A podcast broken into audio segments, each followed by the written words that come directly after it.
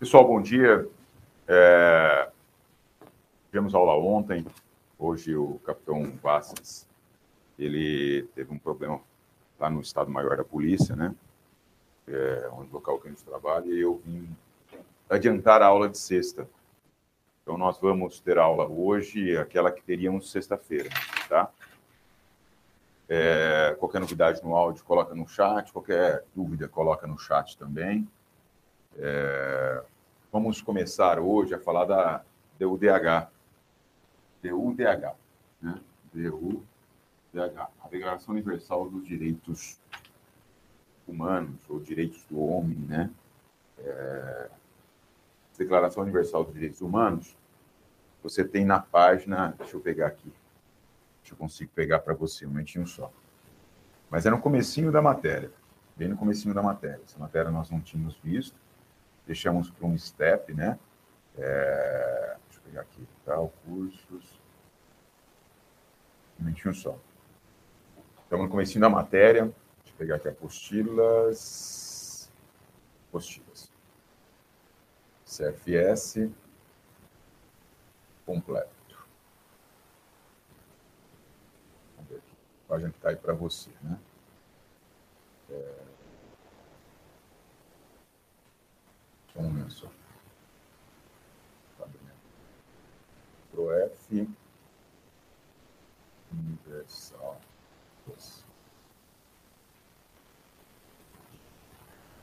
Ele busca aí.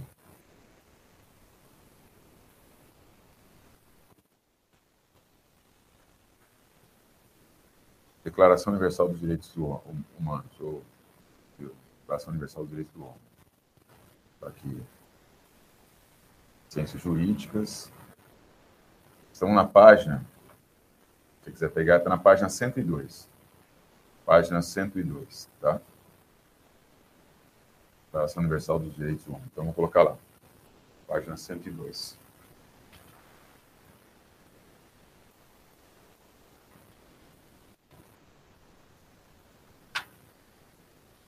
É, por acaso você está fazendo um curso que não está online, né? É, por gravação, você procura aí a Declaração Universal no, no índice remissivo, né, para você ver onde está.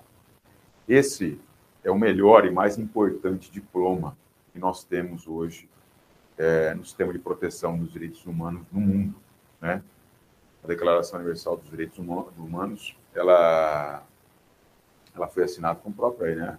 Uma, uma resolução da ONU, resolução número 217, Está aqui, ó, 217 alfa, né? É, e foi assinado dia 10 de dezembro de 1948, logo após a Segunda Guerra Mundial.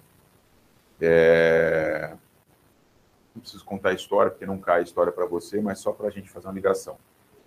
É, houve várias barbáries na Segunda Guerra Mundial, na Primeira e Segunda Guerra Mundial. E, as, algumas nações, principalmente Estados Unidos, é, juntamente com a Rússia também, né, é, resolveram elaborar um diploma que tinha, deve, deve, deveria, é, deveria ter uma supra-legalidade, é, uma supra-constitucionalidade.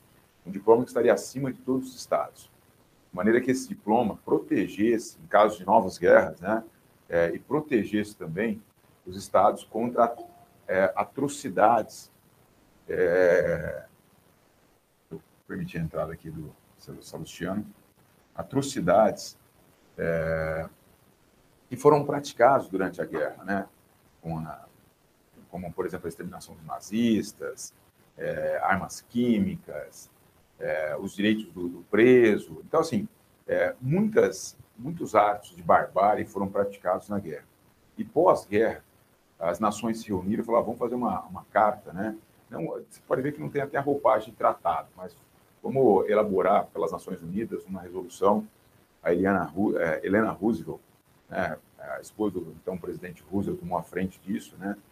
É, vamos elaborar uma carta que sirva para todas as nações. Todas as nações devem se curvar a essa carta é, que protege os direitos do ser humano. Tá? E aí nasceu essa, essa resolução, por meio dessa resolução é, 217, em 10 de dezembro de 48, muito influenciada também pela, pela Constituição norte-americana, é muito influenciada pela. É, teve assim, está muito ligada transversalmente ao, à declaração, ao Pacto Internacional dos Direitos Civis e Políticos, né? É, também você vai ver vai perceber também mais à frente está ligada ao Pacto José da Costa Rica, né? Há uma transversalidade entre essas cartas protetivas dos direitos humanos, tá? E ela, a gente, a gente quando começa a estudar, ou nós quando começamos a estudar essa, esse melhor diploma de proteção do sistema global de direitos humanos existente na, no planeta Terra, né? Quando nós começamos a estudar, a gente meio que descarta para fim de concurso o preâmbulo. Não. O preâmbulo ele é fundamental e eu vi cair em vários concursos. Aliás, muitas questões, muitas questões do preâmbulo, tá? E se você perceber, não só no preâmbulo, mas no próprio texto é, da resolução é, do declara, da DUDH, da Declaração Universal dos Direitos Humanos, você vai ver que muitas dos comandos ali presentes, muitos, estão no artigo 5 da Constituição. Parece que está lendo o artigo 5 da Constituição. E é nesse ponto nevrálgico exatamente que o examinador ele pega. Ele quer confundir redação do artigo 5 com a Declaração Universal dos Direitos Humanos. Então, é, a, a DUDH, ela traz uma redação peculiar que o examinador que ele faz? Ele toma de empréstimo a redação da Constituição para confrontar aqui. Eu tive o cuidado de colocar alguma, alguns pontos na Constituição para você confrontar, tá? É, mas o que, que, que, te espera nesses 30 artigos que nós veremos aí da DUDH? O que, que se espera? Não que você decore artigo por artigo, mas que você saiba que ali, por exemplo, não estão presentes alguns dispositivos da Constituição. E ele vai tentar te confundir na prova, inserindo na questão, falar, ó, qual dos alternativos abaixo retrata um comando previsto, né, um artigo previsto, um dispositivo previsto na DUDH é, de 1948.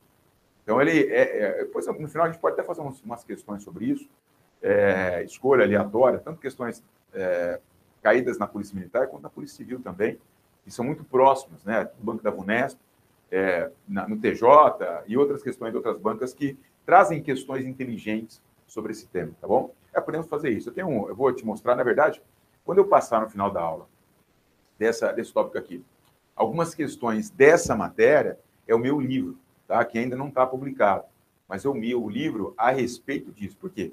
Não sei se eu cheguei a falar para vocês. Não falamos sim, né? Eu tenho um, nós temos um livro escrito já em âmbito nacional, temos mais três livros que estão aí no prelo para serem publicados. E um deles é dos últimos 25 anos de questões na Polícia Militar e, e na Polícia de São Paulo. Então, assim, é, quais questões caíram pelas bancas examinadoras na Polícia de São Paulo? Tanto na Polícia Militar quanto na Polícia Civil, porque as bancas são muito próximas, tá? Examinam da mesma forma. Você vai perceber isso daí, nós vamos fazer junto, tá? Você vai perceber no final. Mas para você saber como é o estilo de questões que ele pergunta sobre isso, tá?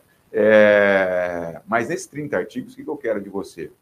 Eu quero que você leia, releia, treleia, evidenciando aqui que nós vamos evidenciar em sala de aula agora, mas colocando a, aquela, aqueles trechos, falar assim, poxa, deixa eu dar uma olhada na Constituição do que trata sobre isso. E ver que há uma diferença. É, ainda, que su... Perdão, ainda que sutil, mas há uma diferença entre as duas redações. Tudo bem?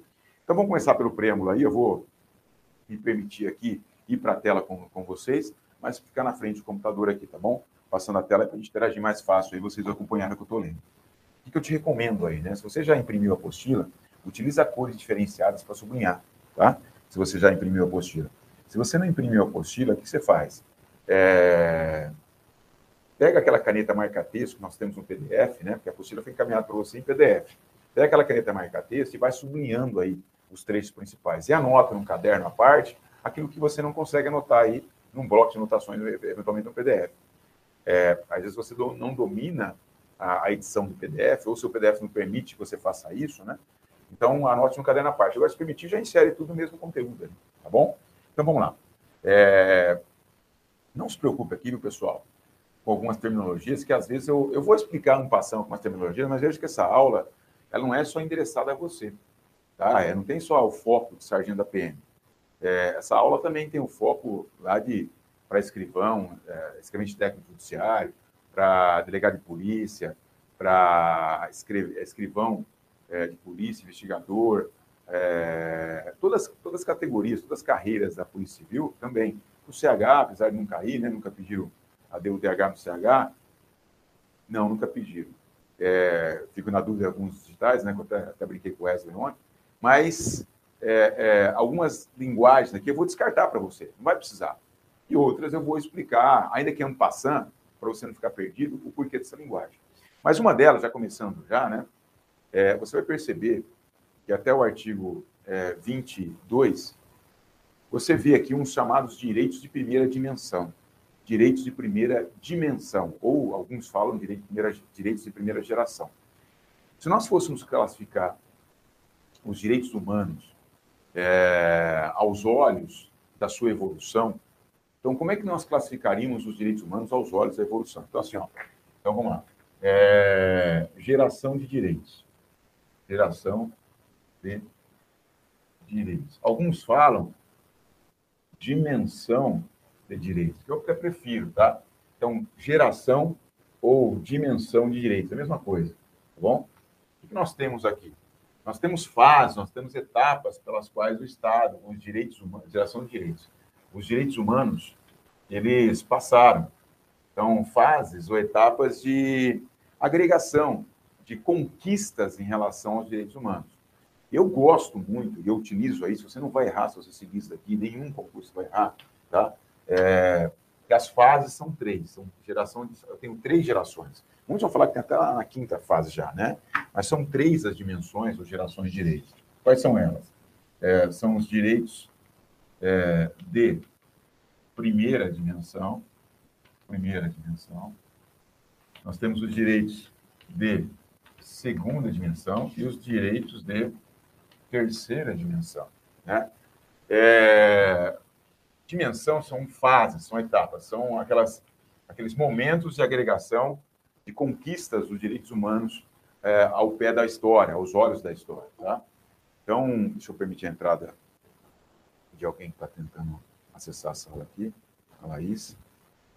É, então, nós vamos falar em dimensão, geração ou é, fases da, de conquista, nós poderíamos retratar naquela, naquele lema da Revolução Francesa, é, adotado pela maçonaria também do Brasil né, e do mundo, que é a liberdade, igualdade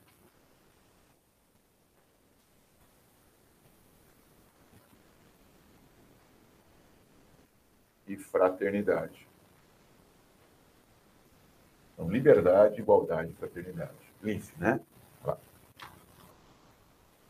Liberdade, igualdade e fraternidade. Então, por essas, por essas três, tem até mais, né? Alguns vão falar que tem mais gerações de direitos, né? de quarta, a de quinta, a de sexta, que nós, nesse momento, não vamos estudar porque não cai para você, tá bom?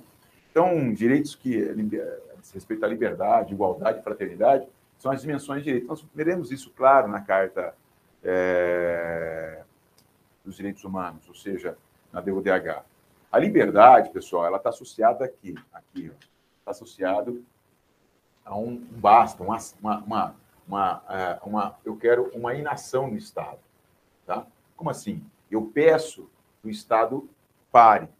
Estado, eu quero ser livre. Está ligado a, a, esse tipo de liberdade está ligado aqui. Está ligado, por exemplo, é, pegar um giz branco aqui, ó está ligado ao direito de voto, ao, ao direito de HC, de ir e vir, ao direito de não ser violado na residência, né? É, eu quero que o Estado, assim, ó, o Estado ele é um monstrão lá atrás.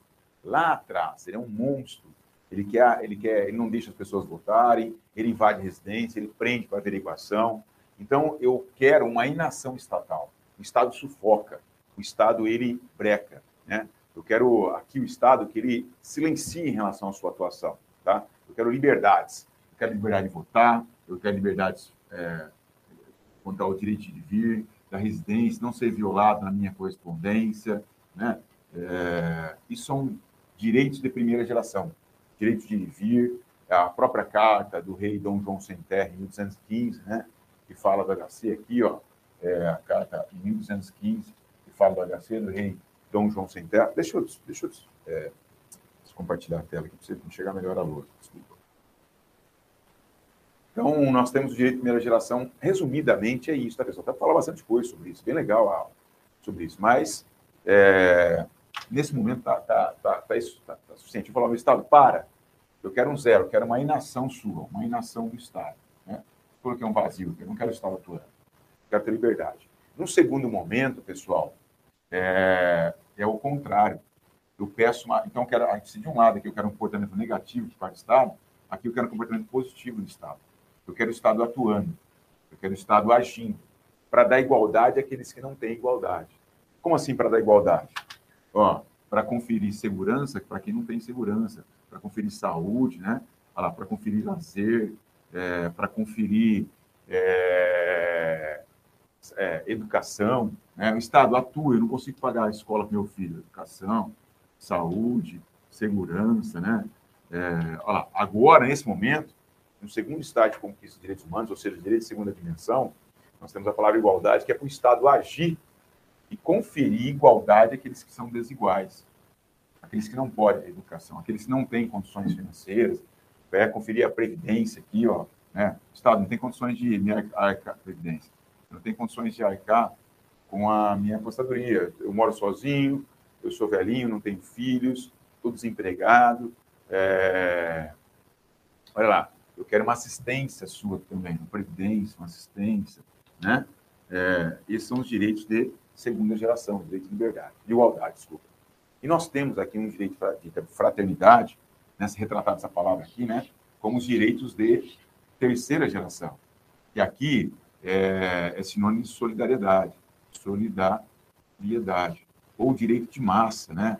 Direito de massa. Exemplo, eu não preciso entrar com uma ação para eu resguardar direitos meus só, e cada um dos 100 mil policiais entrar com a mesma ação. Não, eu entro com mandado de segurança coletivo e ó, atendo, com aquele mandado de segurança coletivo, eu atendo 70, 80, 90 mil policiais. Entendeu? Esse é o direito de fraternidade, o direito de solidariedade, direito de massa, ligado ao meio ambiente, à proteção do meio ambiente, que é bem de uso comum do, do povo, né? É essencial saber qualidade de vida, é, garantindo aos, aos ao, a, a, a, sociedade atual e futura a, o direito de fluir, o direito ao consumidor, né? O direito ao consumidor, os direitos humanos, os direitos humanos também, né? Ó, direitos que não tenho como quantificar, todos são solidários nesse aspecto. Então, aqui, que, que, que eu queria trazer para você aqui? Você vai observar no texto da Declaração Universal dos Direitos do Homem é, direitos de três gerações. Os direitos de liberdade, em que eu peço uma inação estatal, um comportamento negativo de Estado, desrespeito àquelas liberdades é, pessoais da pessoa, né? Desrespeito à pessoa aqui, ó, pode perceber, tá? Respeito à pessoa, né? É, a igualdade, é, em que eu peço, no segundo momento, o Estado agindo, atuando, aqui diz respeito à sociedade, né? A sociedade, a sociedade vai ser, vai ser beneficiada por aquela, por aquela igualdade ali, né? Beneficiar todos de forma igualitária. E aqui a fraternidade, né? na, na, direito terceira geração, em que se tem aqui algumas ações de massa, ações é, os direitos transindividuais, né? Ó, direitos trans individuais, trans individuais. Cai isso, professor. Olha, sinceramente, difícil cair, tá? Já caiu para o CH, para você não me recorda agora, sinceramente. Mas pode, deixa a explicação aqui, por quê? Porque pode cair. Porque pode cair. A fraternidade é direito de solidariedade, direito, direitos de massa, né? Aquelas ações coletivas, os mandatos de segurança coletiva que a gente conhece da vida aí, principalmente é, ingressados por associações. Direito ao meio ambiente, em que ó, a, o Ministério Público age em nome da sociedade, protegendo o meio ambiente, ou aquela própria ação, ação popular que você, como cidadão, pode ingressar na proteção do meio ambiente, direito ao consumidor os direitos humanos. Tudo bem? Legal. Que está bem, assim, tá bem, tá bem assim, delineado para você ter uma noção só do que se trata aí em relação aos, às gerações, às dimensões de direito. Ou seja, são fases de agregação de, de conquistas de direitos, né? são dimensões de direitos, mas uma não afasta a outra, viu, pessoal? Por exemplo, a, a concessão hoje do benefício do, do auxílio é, que o governo federal está pagando é o direito de é, segunda geração. Por quê? Eu vou conceder assistência para aqueles menos necessitados, né, os mais necessitados, na verdade, que não têm condições de prover sua subsistência, principalmente agora na época de pandemia. Né? Então, direitos de, de segunda geração, direito de assistência. O que eu quero dar igualdade é que eles são desiguais. Né? é, afeta quem? Afeta a sociedade. Beleza? Vamos lá. Bom, beleza. Então, vamos pegar aqui de novo a, a, o texto de lei. Eu, quero, eu vou evidenciar aquilo que eu estou enxergando aqui para você também ir marcando a sua apostila aí. Vamos lá. De novo, novamente. Vamos compartilhar a tela com você. Deixa eu ver se subiu lá. Subiu. Está subindo aí. Então, a Declaração Universal dos Direitos Humanos, pessoal, é, a vida aí nesse pós-guerra, né? É, foi adotada e proclamada pela resolução. Guardem isso, que já caiu isso aqui já. Tudo que eu estou falando você já caiu, já, viu? Não está aqui porque eu falar, pô, está falando uma coisa que nem precisa falar, eu estou vendo aqui e tal. Eu sei, algumas coisas eu não vou falar mesmo, mas outras eu preciso falar, ó, toma cuidado. E como eu falei para você no começo da aula, terminando isso aqui, nós vamos fazer uma, uma, uma bateria de exercícios aí sobre a Declaração Universal, porque é tema alheio. Ninguém estuda isso. Né? Você não vai estudar isso em nenhum lugar. Estuda, estuda para entrar é, e não vai cair, não vai nem, sabe, engano, você não estuda nem na, na, na Escola de Formação de Sargentos, na Escola Superior, não vai estudar isso lá, tá? Então, adotado pela proclamação, é, proclamado pela Resolução 217 Alfa da Assembleia Geral das Nações Unidas. Ele já perguntou o ano também, o ano é de 1948, não pode esquecer isso, tá? E traz o seu preâmbulo. O que é o preâmbulo, pessoal? É a carta de intenção, é o cartão de visita. Né? É aquele cartão de visitas. É, quando você vai se apresentar para alguém, você se apresenta de alguma forma, ó, oh, sou fulano de tal, trabalho em tal lugar. Esse, esse é o preâmbulo. Todo preâmbulo de lei, ele vem enunciando o que está na lei. Todo preâmbulo, o preâmbulo da Declaração Universal dos Direitos Humanos, ele vem enunciando o que a declaração vai trazer, qual é a intenção dela, né? qual é a carta de intenções. Está aqui, ó, estampado. Então, o que, que ele fala aqui no preâmbulo? Ele fala o seguinte, ó, considerando que o reconhecimento da dignidade inerente a todos os membros da família humana e de direitos é, iguais, alienáveis, é o fundamento da liberdade, justiça e paz. Ó, traz a primeira coisa aqui, o direito à dignidade da pessoa humana. É um direito inalienável. É um direito que ele precede o nascimento nosso. É um direito natural, o direito à dignidade da pessoa humana. Por isso que hoje a dignidade da pessoa humana, apesar de não cair para você, é um fundamento da República Federativa do Brasil. O artigo, o artigo primeiro, não, acho que só alguém não cai para você, mas tem, ah, cai sim, nós comentamos, né? Cai sim. O artigo primeiro é, inciso 3, traz lá como fundamento para eu edificar uma Constituição Federal no Brasil é respeitar a dignidade da pessoa humana. Tá? Então, aqui a mesma coisa, considerando o reconhecimento da dignidade inerente a todos os membros da família humana, seus direitos iguais, inalienáveis, não pode ser disposto. O que é inalienável? Aquela coisa que não, aquele direito que não pode ser disposto. Ah, pode me atacar, pode suprimir minha vida, pode acabar com a minha integridade física, pode violar minha sexualidade, né? Olha lá, é, alguns direitos, lógico, são alienados. Direito ao patrimônio, direito à honra, né? Até a dignidade sexual, independente da hipótese aí, né? Desse não seja estupro, mas seja consentido, também é, é né? Mas é, os direitos como membros da família e na vertente da dignidade da pessoa humana são inalienáveis, tá? É, e é o fundamento da liberdade, da justiça e da paz, né? Legal?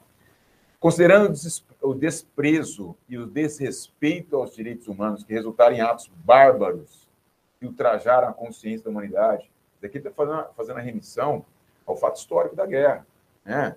Ó, o desprezo, desrespeito pelos direitos humanos resultaram em atos de, atos de barbárie, né? Que ultrajaram a consciência da humanidade, é, e que o advento do mundo em que os homens gozam de liberdade, palavra, crença, olha aqui os os bens jurídicos protegidos aqui pela declaração, né? Liberdade, o direito de se manifestar, de pensamento, de palavra, de crença, ou de não crer em nada, né? Aquela livre manifestação do pensamento, o direito a ser laico, a ter um Estado laico, sem uma religião oficial, né? É, que vierem, de viver, a liberdade de viverem, viverem a salvo do temor da necessidade, foi proclamada como a mais alta aspiração do homem comum. Aqui ele está fazendo emissão, invocando é, direitos naturais do ser humano, né, pessoal? É, que são importantes? Lógico que são, mas não tenha dúvida que são. Não tenha dúvida, tá? Para fins de concurso, você vai ver como cai isso aqui. Você vai ver como cai. Depois eu te mostro. Considerando essencial que os direitos, os direitos do homem são, são protegidos pelo Estado, ou seja, o Estado assume a proteção disso. Não só o Estado interno, como o Estado brasileiro, mas um Estado, por exemplo, fiscalizando e, co e cobrando o cumprimento da, da, da DUDH por parte do Brasil. Então, por exemplo, vamos supor que a Argentina declara a pena de morte de alguém lá, e lá não tem previsão para pena de morte. A Argentina está submissa a essa Declaração Universal dos Direitos do Homem. E o, o, Brasil, o Brasil ele pode cobrar isso, o implemento dessa, desse, desse cumprimento, né, é, na questão da fiscalização. Então, não é só, não é só protegido pelo Estado, protegido pelo Estado internamente, com mecanismos de inibição e, e com mecanismo de inibir e reprimir aqueles que descumprirem, mas também é, com mecanismo de fiscalizar outros estados, tá? É, para que o homem não seja compelido, como último recurso, à rebelião contra a tirania e opressão. Considerando essencial prover o desenvolvimento das relações amistosas entre as nações. Né? Então, aí, é, com a, a, criação da, da ONU, né, é, pouco antes da, da, edição da Carta, então foi para quê? Para haver uma, um, congresso, um, uma, uma, uma, um congraçamento, desculpa, eu o termo, mas congraçamento das nações para combater a atividade beligerante, sim buscar resoluções amistosas em eventuais conflitos que surgiram ou na iminência de surgir. A ONU tem esse papel fundamental de dirimir, de apaziguar e de inibir conflitos também, né? Por, por conta do quê? Considerando aí é, a necessidade de promover o desenvolvimento de relações amistosas entre as nações. Próximo, né? É... Considerando que os povos das Nações Unidas que afirmaram na Carta sua fé nos direitos humanos fundamentais, na dignidade e no valor da pessoa humana, na igualdade, ou seja, todos são iguais perante a lei, sem distinção, né? Decidiram promover o progresso social e as melhores condições de vida e uma, uma liberdade mais ampla. Então você vê, tu, você vê que várias coisas aqui que nós temos presentes nessa carta, nós temos presentes na Constituição também. Então não é só, não está só é, em tratados, em cartas internacionais de direitos humanos. Nós estamos tá, está presente aqui na Constituição também, né? É, isso aqui é um espelho do que vai ser retratado por simetria lá na Constituição. Então a Constituição vai tomar de empréstimo alguns comandos na, na ordem de proteção dos direitos humanos internacional e trazer aqui para o texto é, nosso interno. Até porque o Brasil é signatário desses tratados. O Brasil se curvou, né, aderiu a esses tratados. Então tem que trazer esses comandos para o plano interno em termos de projetar a obrigatoriedade do seu cumprimento.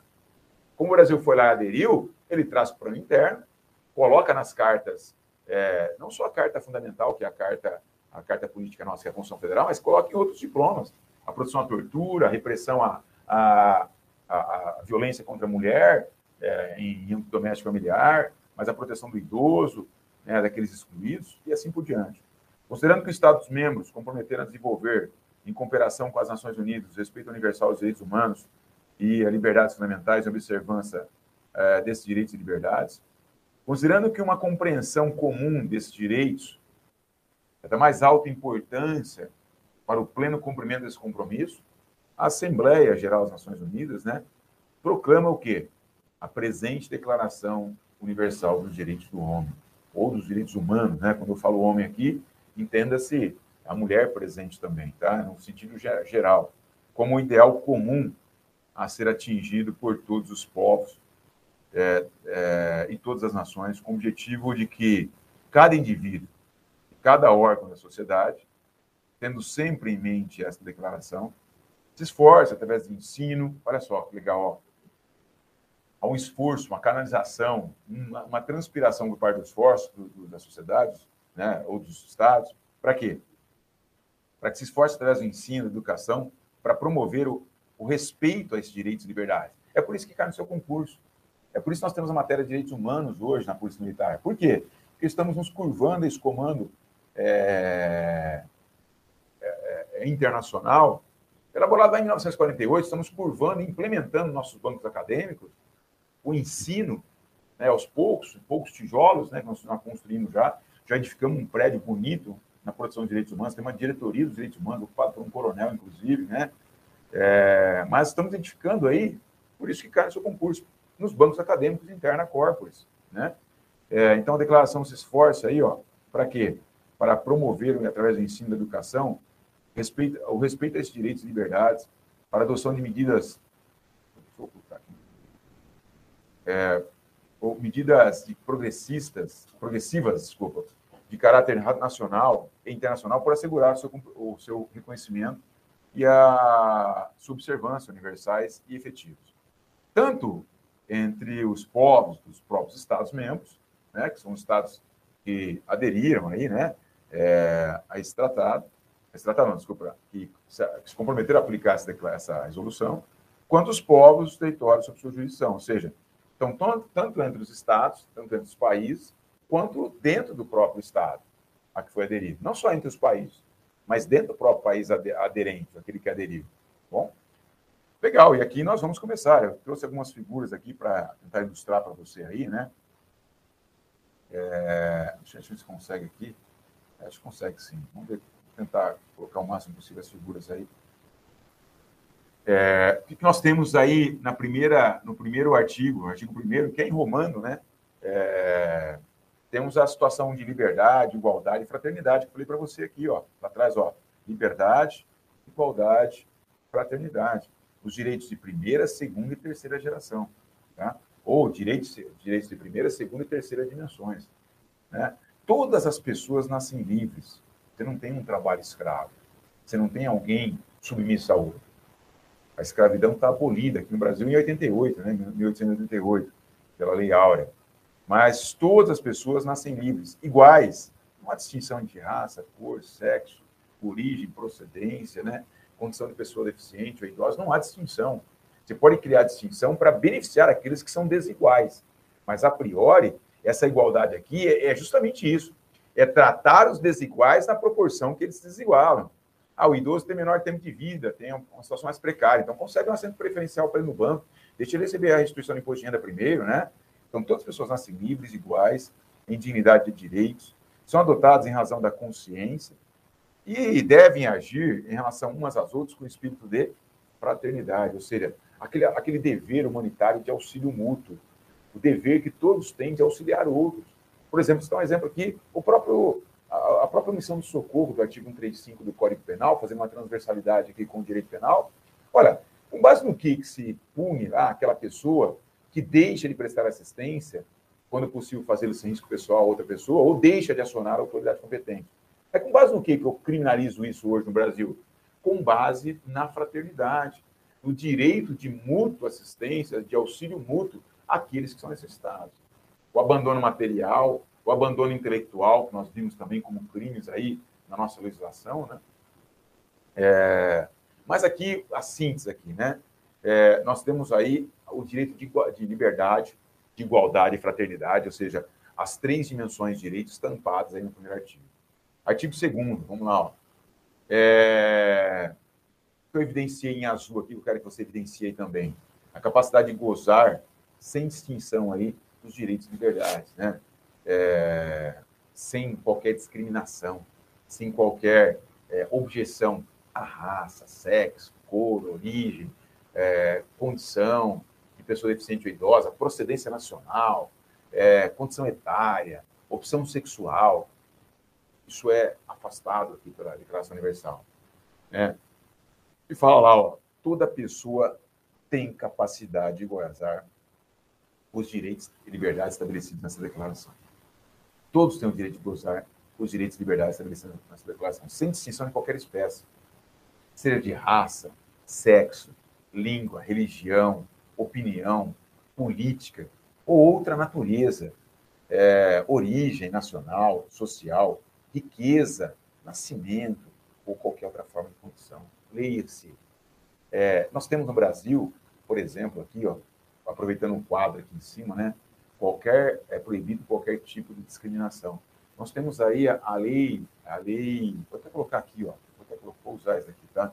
Deixa um minutinho, só eu vou começar a, a ver aqui, né? Se você quiser colocar aí também, fica à vontade. É, Ctrl I, Ctrl N, reduzir o tamanho aqui. Então nós temos aqui, por exemplo, a lei, ó, a lei é, número 77 no meia, né? É, 77 no meia de 89. O que é essa lei 77 no meia barra 89? Não estou achando a barra aqui agora. 77 no meia barra 89. Não tem a barra aqui, tem. 77 no meia barra 89. O que é essa...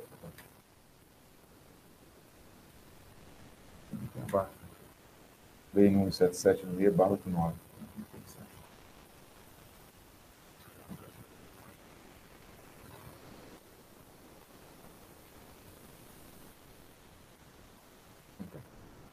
Barra 86, barra 89. Olha lá, depois eu coloco aqui. Tá? É 771 barra 89 é a discriminação racial e religiosa, que é vedada no Brasil. É crime imprescritível, né? O Brasil trata assim com uma severidade enorme. Por quê? Porque a própria Declaração Universal dos Direitos do Homem assim tratou, né? Ele é imprescritível, ó. Ele é imprescritível, prescritível, prescritível e inafiançável.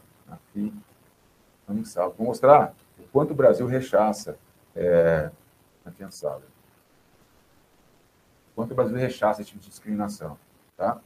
É, discriminação relacionada a raça, sexo, opinião, política, outra natureza, e a própria, a própria os comandos constitucionais, né? A própria Constituição Federal é, traz, 88 aí, traz é, a, como se diz aí, traz a, a, liberdade de pensamento, a liberdade de manifestação de pensamento, de expressão, da fala dos parlamentares, tá? Então, beleza. Vamos para o próximo artigo, artigo 3 aí, ó.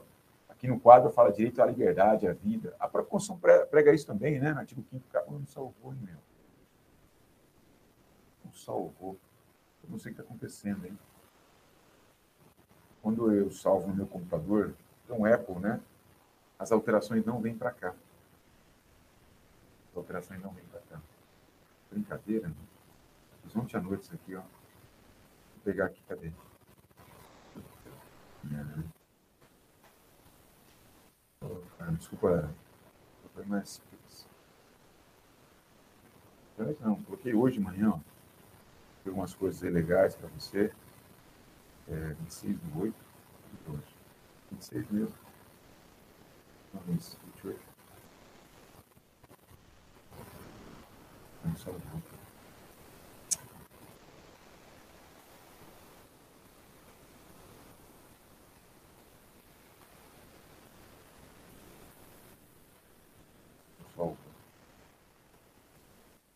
Ah, peraí, pessoal.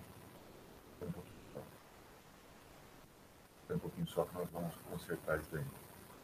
Nós estamos pegando aqui um. Deixa eu tentar abrir um outro arquivo para você, um só. Deixa eu estar aqui. Entendi agora porque não está aqui. Deixa eu ver. Então, é...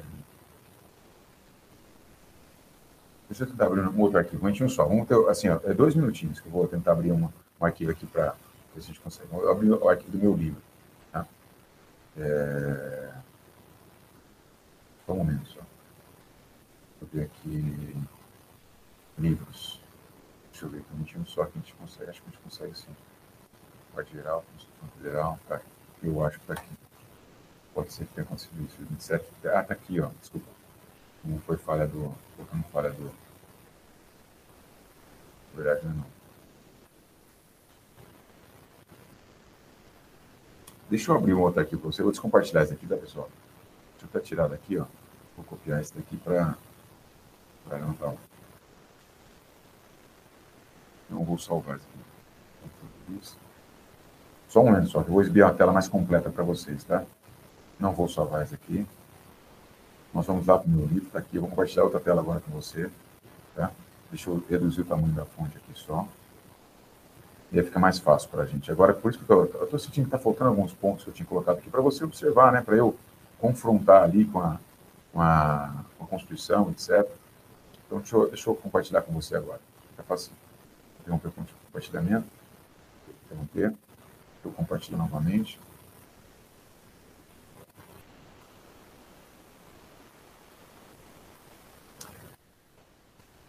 Vamos lá. É, agora sim, ó, é o arquivo que eu tinha deixado. Isso, olha lá. Beleza, maravilha. Então, nós vimos o direito no artigo 1 né? Estava no artigo 3 artigo 1 Aqui nós vimos algumas coisas. Artigo 2 é, eu até vou colocar aqui no artigo 2 aquilo que eu tinha é, é, digitado lá atrás. Vamos para o artigo 3 agora. Ah, entendi agora, por isso que não estava. Na verdade, precisava, é a pecinha na frente do computador, tá? Mas é, é verdade, assim, brincadeiras à parte, mas quando eu gravo no Apple e eu trago para cá, ele tem dificuldade na leitura. Então, às vezes eu falei, pô, cara, não tinha colocado isso. Eu quando eu, assim, eu sei, essa aula direto, né? Porque quando eu preparei essa aula, foi lá onde está tudo certinho, deixar esquematizado já, para a gente mandar o arquivo para os caras.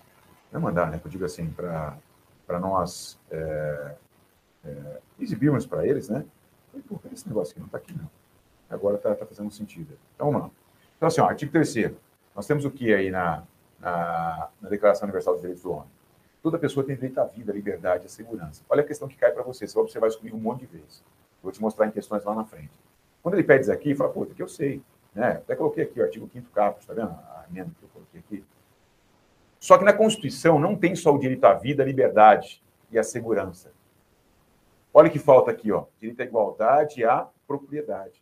Você percebe que ele deixou de colocar isso aqui e ele vai lá e coloca isso como verdadeiro, como sendo uma, é, uma fala da DUDH. E, na verdade, não é fala da DUDH.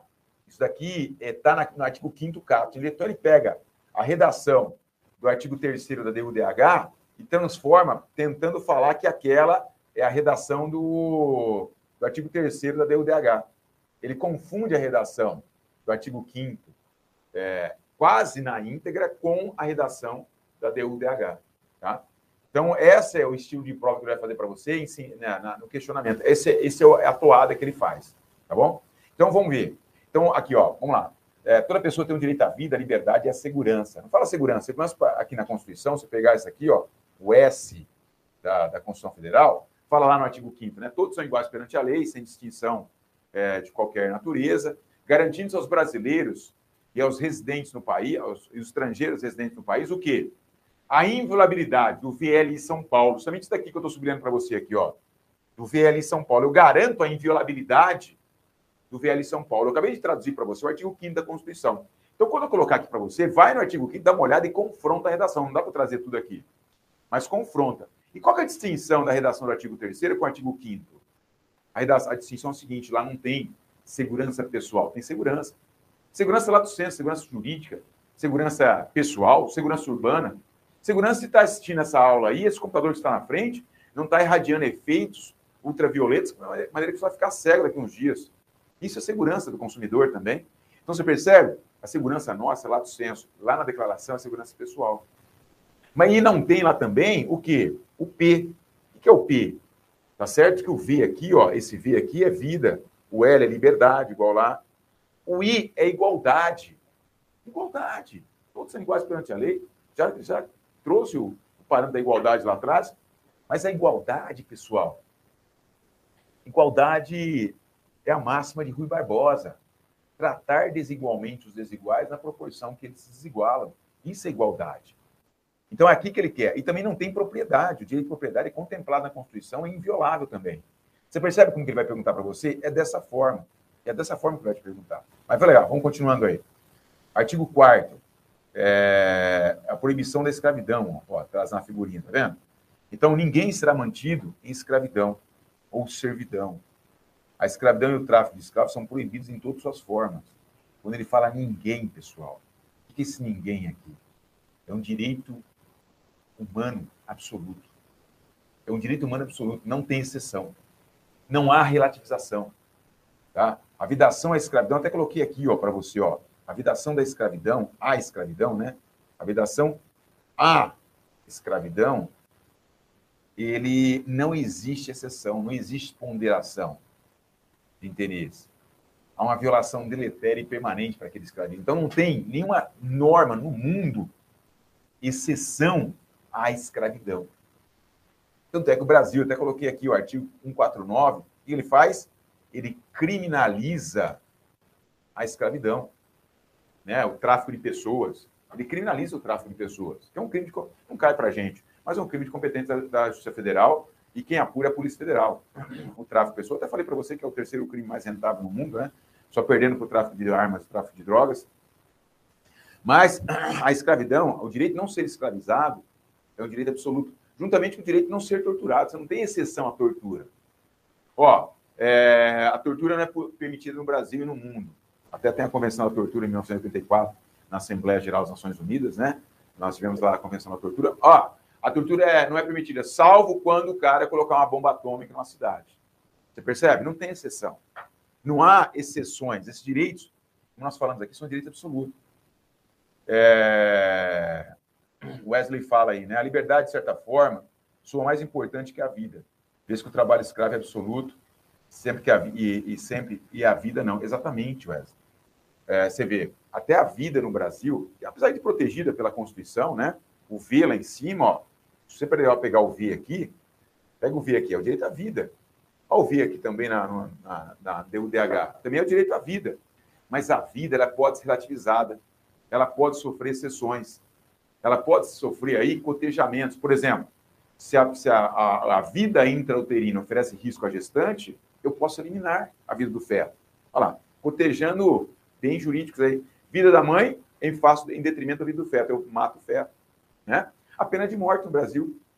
Nós temos pena de morte no Brasil? Não, não temos. Salvo em caso de guerra. Formalmente declarado, nós temos o artigo 84, 19. É, olha lá, então nós temos pena de guerra? Sim, excepcionalmente nós temos. Então a vida ela é relativizada. Você pega a própria lei do abate. A própria lei do abate, quando uma aeronave hostil ingressa é, dessa forma em espaço aéreo brasileiro, após cumprir alguns protocolos, há uma possibilidade de abate dessa aeronave. Então, você vê, como bem exposto ali pelo Wesley, né? É, a vida, que é um bem maior hoje, ela até sofre relativização, né? Ela até sofre aí é, ponderação de interesse, mas a, o direito de não ser escravizado, o direito de não ser torturado, não tem exceções, né? É, temos recorrentes das formas análogas da escravidão ainda, exatamente, tem sim, né? Temos aí a, a, a escravidão, entre aspas, né? Da, da, da, prostituição, por exemplo, né? A montagem de casos de prostituição, impedir que a menina abandone casa de prostituição, ou até, se não for menor de idade, está sendo explorado sexualmente, maior de idade também, impede que a pessoa saia escraviza sexualmente, né? É... Não, abate não seria uma legítima defesa putativa, não, o, Wesley. A legítima defesa putativa é aquela que se imagina uma situação que não se verifica na prática, né? Então, é, a, a, a, lei do abate, ela traz lá, eu não vou comentar, não, não comento em nenhum momento com vocês, só nessa parte mesmo. É, em alguns editais eu até comento, mas a lei do abate é assim, é, a legítima defesa putativa, é, ela, ela é, não cai para você, viu? Nunca caiu, nunca caiu para você. Se cair, tem que mudar o cenário aqui. Porque pelo menos o não está lá, trata do erro de, é, é, erro de fato, né? É, no artigo 20 do Código Penal. Então, a legítima defesa putativa, o cara imagina uma situação que, se ele verificasse na prática, estaria justificada a ação dele. É reconhecido pelo direito. Está no artigo 20 daí, o erro de fato. Ele erra contra fatos. Ele conhece o direito, mas interpreta mal os fatos. Mas o, a, a lei do abate não é legítima defesa putativa. Por quê? Porque a lei do abate é uma permissão legal de abater a aeronave hostil que compromete a soberania estatal depois de vencido alguns protocolos. E ela é tida como hostil por conta de não cumprir esses protocolos. Né? É... Beleza? Não, legal, legal. Maravilha também, viu, Wesley? Excelente aí a observação, viu? Você vê aqui no artigo, no artigo 5 da, da, da declaração, de novo, ó, o que eu estou sublinhando aí, pessoal, sublinha também, viu? Ninguém, quando eu falo ninguém, sob qualquer forma, é um direito absoluto. Ninguém vai. É, quando eu falo ninguém, é que em, em qualquer hipótese não será relativizado essa, essa, essa, esse, esse direito ali contemplado. Tanto de escravidão quanto de tortura. Ó, ninguém será submetido à tortura, nem a tratamento ou castigo cruel, desumano ou degradante. Então, também coloquei aqui ó, um direito absoluto, a vedação à tortura, né? não existe exceção ou ponderação de interesses aí. Há uma violação. Por quê? Porque é uma violação deletéria e permanente daquela, daquela integridade física e mental. Há uma violação deletéria e permanente também da, do, do direito natural de liberdade da pessoa quando está escravizada. Por isso que é absoluto esses dois direitos. Você pode ter ouvido falar já, né? Ó, eu já ouvi, já escrevi em livros também, inclusive o professor Jair Afonso da Silva ele fala isso, né? É, que não existe direito absoluto protegido pela Constituição. Existe sim. Eu me filio à corrente que fala que existe, por exemplo, o direito a não ser torturado. O próprio artigo 5 que você trouxe aí, trouxe, está lá, ó, o próprio artigo 5 inciso 3 da Constituição fala, é, não se admite, não, ninguém será torturado, ninguém será submetido à tortura, nem a tratamento é, desumano ou degradante, fala nem cruel lá, mas nem a, ninguém será submetido à tortura, nem a tratamento desumano ou degradante. Aqui ele aumenta. Ninguém será submetido à tortura, nem a tratamento cruel, desumano, degradante. Ele, aqui ele abarca um pouquinho mais ainda, a redação um pouquinho mais expansiva.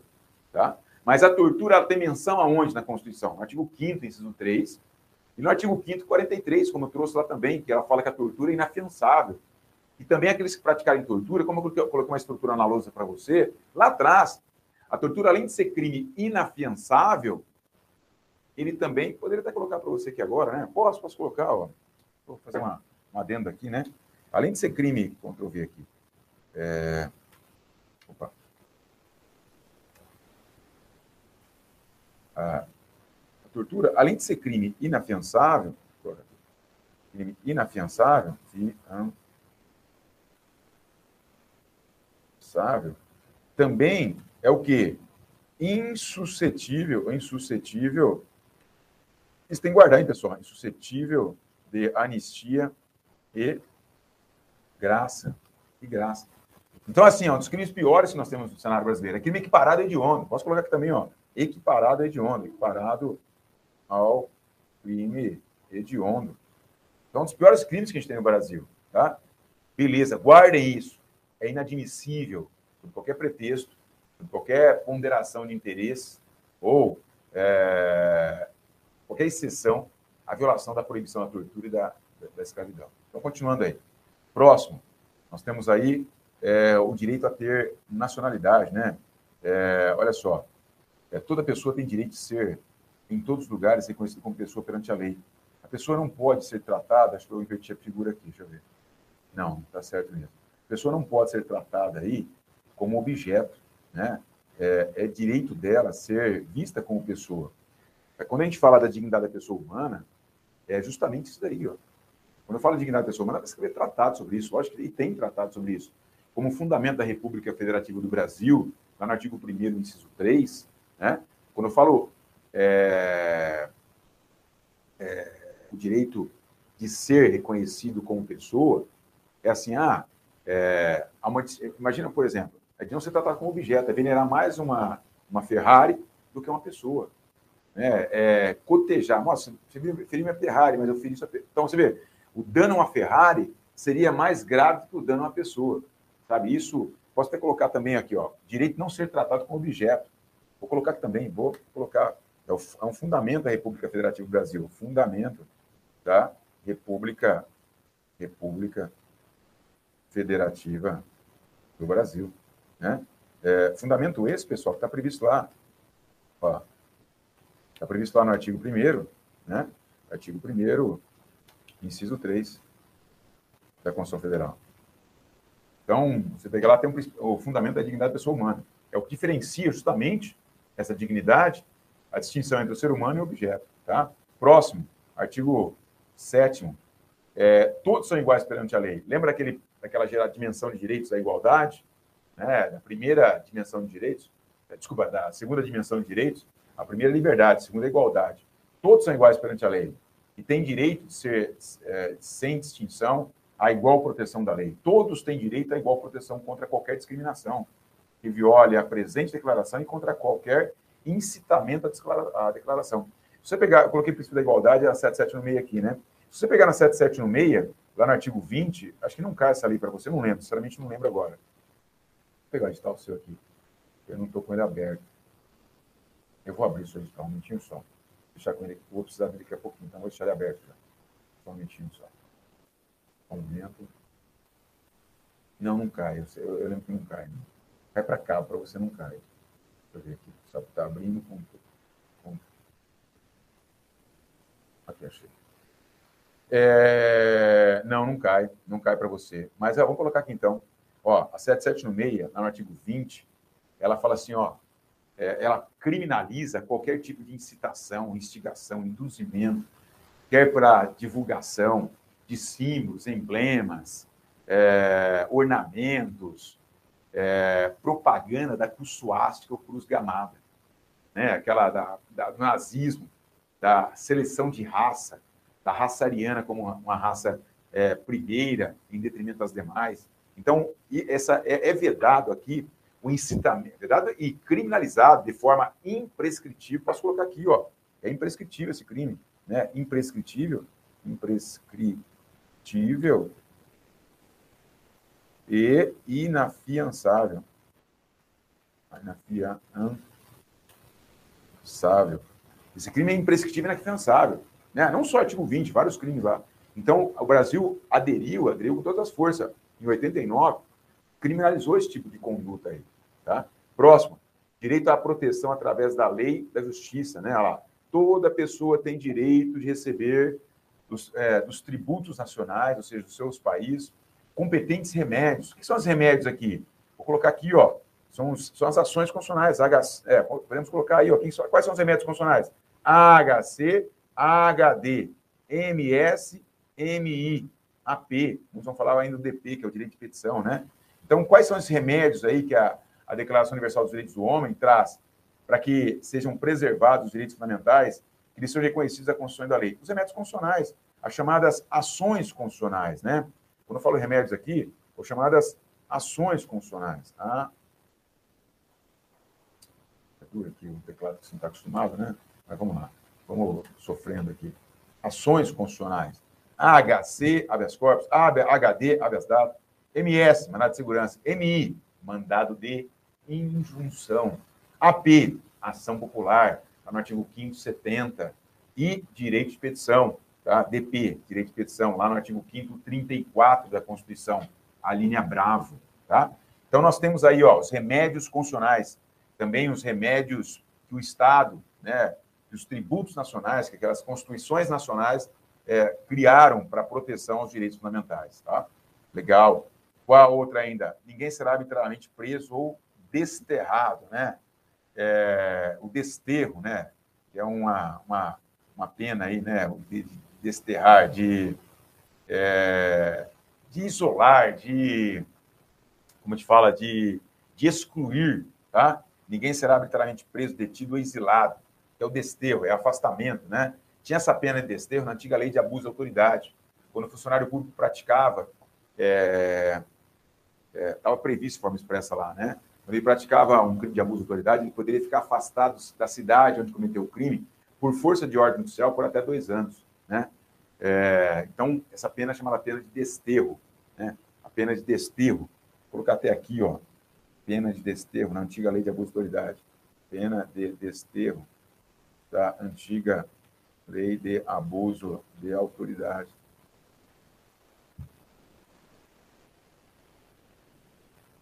Legal. E nós temos o princípio do banimento. Na... Ah, nós temos também aqui, ó. Ninguém será arbitrariamente preso. Pessoal, arbitrariamente. Veja bem que a, que a DUDH, ela não proíbe a prisão. A prisão, nós temos, coloquei no Brasil ah, para você ontem, né? E começaríamos a falar sobre isso, inclusive. É... Nós temos três tipos de prisão no Brasil. A prisão pena, que é aquela derivada de uma sentença penal condena... é, condenatória transitada em julgado. Eu imponho pena depois o cara o cara foi condenado, não tem mais recurso. Eu tenho a prisão penal, então, prisão processual. Quais são as prisões processuais que nós temos hoje no Brasil? A prisão flagrante, que é uma prisão cautelar, a prisão preventiva, a prisão, provis... a prisão preventiva, que não fere o princípio da presunção de inocência, né? também chamada de prisão processual, prisão provisória, a prisão temporária, né? que também está na Lei 7.860, de 89, né, que ainda vigora no Brasil, inclusive aplicado nos crimes militares pela porta de integração do artigo 3 alfa. É, temos a prisão do desertor no âmbito da, da, da justiça castrense, a prisão do insubmisso e a detenção do indiciado, a chamada homenagem em prisão, no artigo 18 do Código de Processo Penal Militar. Então, temos várias prisões processuais. Tá? Temos a penal processual e aquelas extra-penais ou extra-processuais, que é a prisão administrativa e a prisão civil. A prisão administrativa, qual que nós temos hoje? Só a prisão administrativa lá do, regulamento disciplinar, né, que está suspensa aí, é por força de lei que acabou de entrar em vigor agora. É, e está sendo questionada a sua constitucionalidade. E também a prisão civil por dívida do devedor de pensão alimentícia, já que o depositário infiel ele é inconvencional, porque contraria a Convenção Interamericana dos Direitos Humanos, ou o Pacto Social da Costa Rica. Tudo bem? Legal, então assim, ó, não é que não pode, não pode ser preso de forma arbitrária. Por isso que nasce aqui a audiência de custódia, porque o juiz tem que verificar se a prisão foi arbitrária ou não. Nasce aqui, posso até colocar aqui, ó. É aqui da, a, a primeira, na verdade a gente vai ter isso mais para frente, mas nasce aqui, né? Nasce a audiência, audiência, audiência de custódia. Né? Legal. Então, assim, ó, observar os direitos do preso, a pena de desterro, né? O preso não pode ser detido, preso não pode ser exilado. O que é exilado, pessoal? É aquela situação do banimento. Lembra aquelas penas são proibidas no Brasil? Quais pelo artigo 5 47, né? O artigo até colocar aqui também. Não tem, vou completando aqui, tá? O artigo 5 fala 5 5 47, vou colocar aí para você. você. Eu, o professor porque não colocou já? Porque é, quando eu montei, eu falava, como estou interagindo com você aqui, a gente vai, vamos já completando, ó. Eu, 47. Que eu tenho no 547? Tem a pena de banimento. Pessoal, banimento no Brasil é proibido. O que é banir? Banir é expulsar do território nacional o brasileiro, seja nato ou naturalizado. Eu não posso expulsar do território nacional o brasileiro é, nato ou naturalizado. O naturalizado, em algumas circunstâncias, eu posso. As circunstâncias lá do 41, tá? É, lá no inciso 41, né, salvo, ó, salvo inciso é, 41. 41 da própria CF, em que eu posso extraditar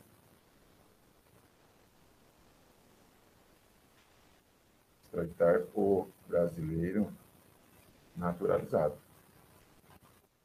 Né? É sem correr na sem correr no pena de banimento. Sem incorrer na pena de banimento. Então, assim, a princípio da proibição de banimento brasileiro nato é, e naturalizado. Também colocando aqui, nato e naturalizado. Prisões legais serão são rechaçadas pelo ordenamento né? De acordo com o artigo 5 47, o banimento é proibido no Brasil. O que é banir? Banir é expulsar do território nacional brasileiro nato ou naturalizado. Isso é proibido, tá? Legal, continuando aí. Artigo 10. Nós temos artigo 10, direito ao julgamento justo e público. O que é esse direito ao julgamento justo e público?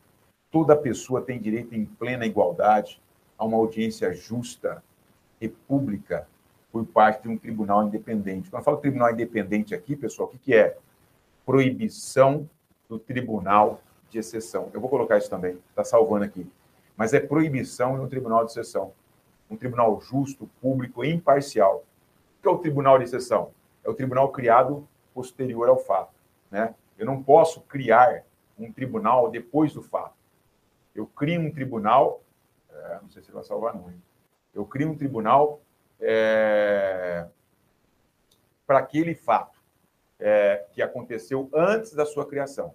Eu não posso criar tribunal depois do fato. Então, deixa eu ver se eu coloquei aqui. Ó. Então, assim, vamos começar de novo. Toda pessoa tem direito em plena igualdade a uma audiência justa e pública por parte de um tribunal independente e imparcial para decidir seus direitos e deveres ou do fundamento de qualquer acusação contra ele. Aí nós colocamos o princípio do juiz natural, né? É, vou colocar aqui. A tal da audiência de custódia, né?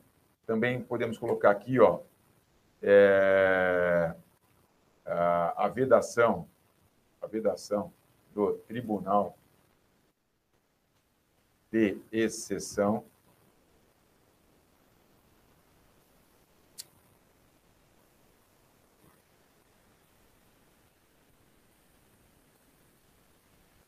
exceção. Vedação da criação do tribunal de exceção. Nossa.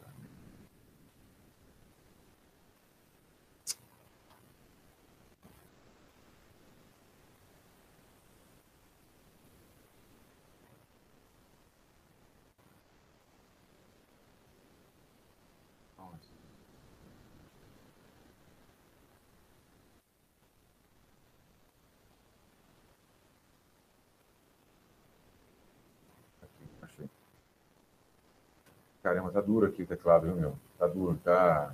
Tá, tá, tá, tá punk. Exceção. Ó, exceção. Oh, caramba, viu, meu? Beleza. Ah, vamos avançar. Então, é, princípio do juiz natural, audiência de custódia, é, julgamento justo. Próximo, artigo 11. Toda pessoa será considerada inocente até que se prova a conduta. O que nós temos aqui? Princípio da presunção de inocência, né? É o princípio da não culpabilidade, princípio da presunção de inocência. Deixa eu colocar também, ó, princípio, princípio da não culpabilidade, tá? Princípio da publicidade das decisões judiciais, é, também, lá, toda pessoa acusada de um ato delituoso tem o direito de ser presumido inocente, até que se prova sua culpabilidade. tenha sido provado de acordo com a lei, o julgamento público, todas as garantias de defesa, olha o princípio da ampla defesa aqui também, ó, princípio da presunção de inocência, não culpabilidade, princípio da, é, princípio da ampla defesa e contraditório, beleza? Tranquilo também, né? Princípio da publicidade das decisões judiciais, está onde? 93.9, tá? Nós temos o princípio da publicidade, publicidade já também. No item 2 do artigo 11, ninguém será considerado culpado por qualquer ação ou omissão. No momento da... Aqui, ó. Que no momento não constitui um delito. Ao princípio é, nacional e internacional. Eu não posso criminalizar alguém se não existe delito naquele momento é, é, contemplado na nossa legislação. Eu coloquei o princípio da anterioridade aqui, mas na verdade é o princípio da legalidade penal, tá? Princípio, princípio da legalidade penal. Lá no artigo 5 pessoal, 39, 39, olha lá. Por quê? Não há crime sem lei anterior que defina, nem pena sem prévia combinação legal. Então não há, não há, não pode ser considerado culpado ou penalizado por qualquer ação ou omissão, se na época em que ele praticou aqui, ó, se não constituía delito no período é, perante o direito nacional e internacional. Princípio da legalidade penal. Então, o artigo 1 do Código Penal Comum, é o primeiro artigo, ó, artigo 1 né, é, do Código Penal, do Código Penal Militar, né? Eu colocar aqui, Ctrl C.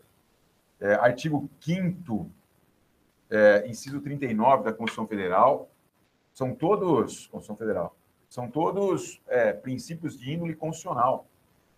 Tampouco será pena, imposta a pena mais forte do que aquela que no momento da prática era aplicável. Como assim? Imagina por hipótese que ele praticou estupro. Aí, passado um tempo, enquanto tramita o processo, aquela pena do estupro venha a ser aumentada, como aconteceu. Ou ele praticou tráfico de drogas, que a pena é de 3 a, a 12 anos. É, não, de 5 a 15 anos. 5 a 15 anos.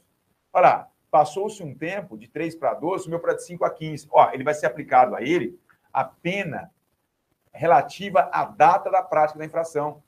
O que nós temos aí? Aquele princípio da irretroatividade da lei penal prejudicial. De novo, aqui, para você que entendeu. O que é isso, o princípio da irretroatividade da lei penal prejudicial? Ninguém poderá ser culpado por qualquer ação ou omissão que no momento não constitui um crime, quer no cenário nacional ou internacional. O que é isso? Se o ato que ele praticou não é crime, nós aplicamos aí o princípio da legalidade penal, né? O princípio da legalidade penal, artigo 1 do Código Penal e do Código Penal Militar. Mas também não podemos perder de vista aí, né? É, o princípio da anterioridade penal. Por que anterioridade? Não há crime sem lei anterior que defina, nem pena sem prévia combinação legal. Tem que estar previamente contemplada aquela hipótese como sendo criminosa. Tá?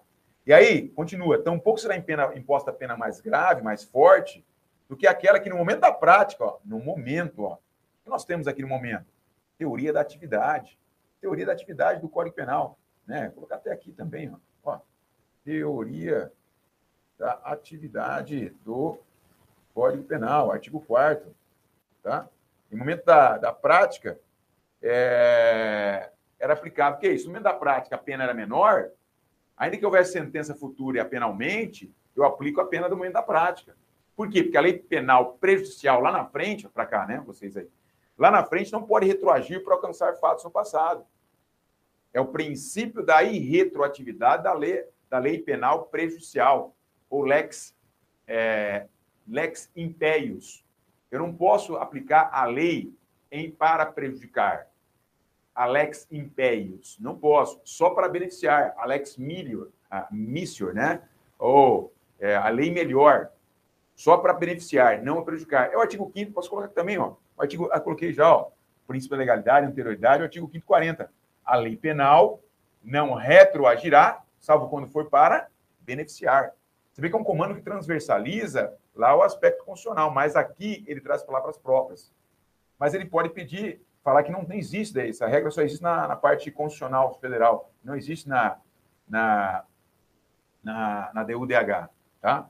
Então, direito à vida, à honra, à reputação, ninguém será sujeito a interferência em sua vida privada. A questão da inviolabilidade aqui, do artigo 5 10, né? A, a família, o lar, correspondência, honra, reputação. Toda pessoa tem direito à proteção da, contra a lei. Tais interfer... e proteção à, à interferência e ataques. Essas chamadas inviolabilidades, né? presentes lá no artigo 5 a gente pode estar artigo 5 aqui, inciso 10 e inciso 10 e 12 da Constituição Federal. Temos lá a inviolabilidade é correspondente. O 10 é são invioláveis a vida privada, a honra, a intimidade da pessoa.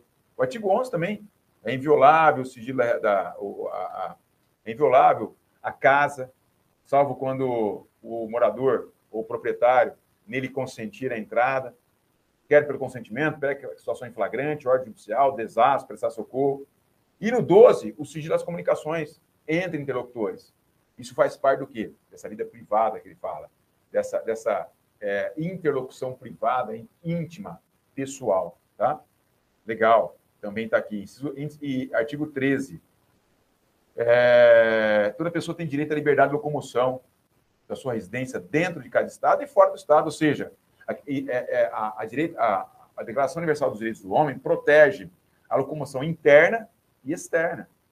É aqui nós temos aí no, na Constituição. Todos têm direito, é direito, é, me foge a, a redação inicial, mas todos têm direito de ir e vir, o direito à locomoção, é, direito de entrar ou sair do território nacional com seus bens, nos termos da lei. Né? É, se você quer sair, voltar é, de outro país com compras absurdas, né? Você pode só entrar aqui com compras até 500 dólares, né? Você vai para os Estados Unidos, já compra um iPhone, já, já esgotou o valor da compra, porque supera os 500 dólares.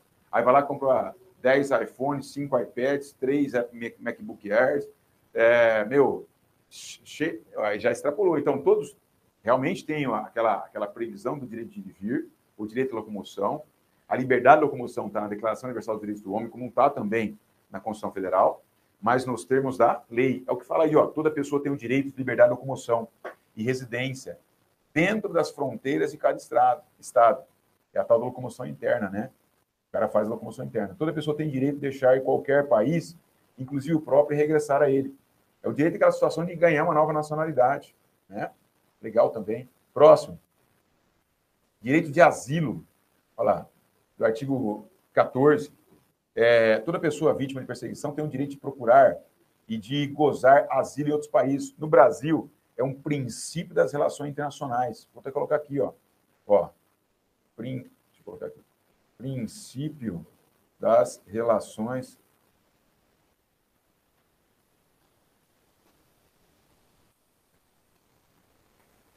internacionais.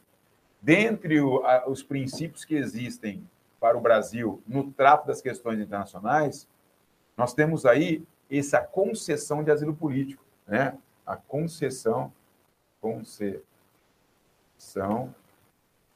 de asilo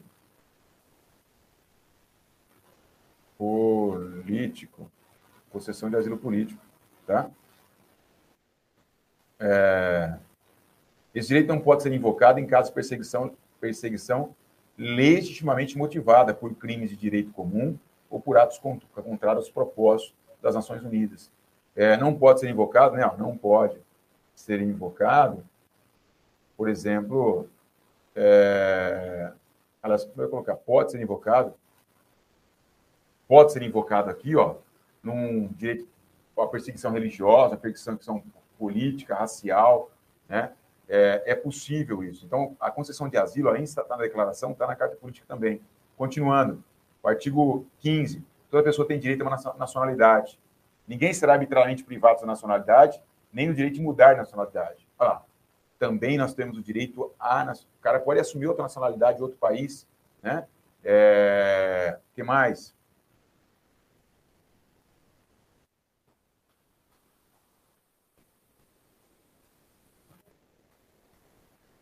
Artigo 16, homens e mulheres maiores de idade, sem qualquer distinção de raça. Aqui cai para caramba, hein, pessoal? Putz, como cai essa questão? Eu, eu fiquei até surpreso com isso. Né? Quando comecei a fazer o levantamento lá atrás. Homens e mulheres de idade, sem qualquer distinção ou restrição de raça, nacionalidade, religião, têm o direito de contrair matrimônio. Ao direito a matrimônio, de fundar uma família, reconhece a família como célula máter da sociedade. Isso também foi reconhecido lá no artigo 225 do, da Constituição Federal, o artigo 225, ó, 225 da CF, também reconhece a família como núcleo da sociedade.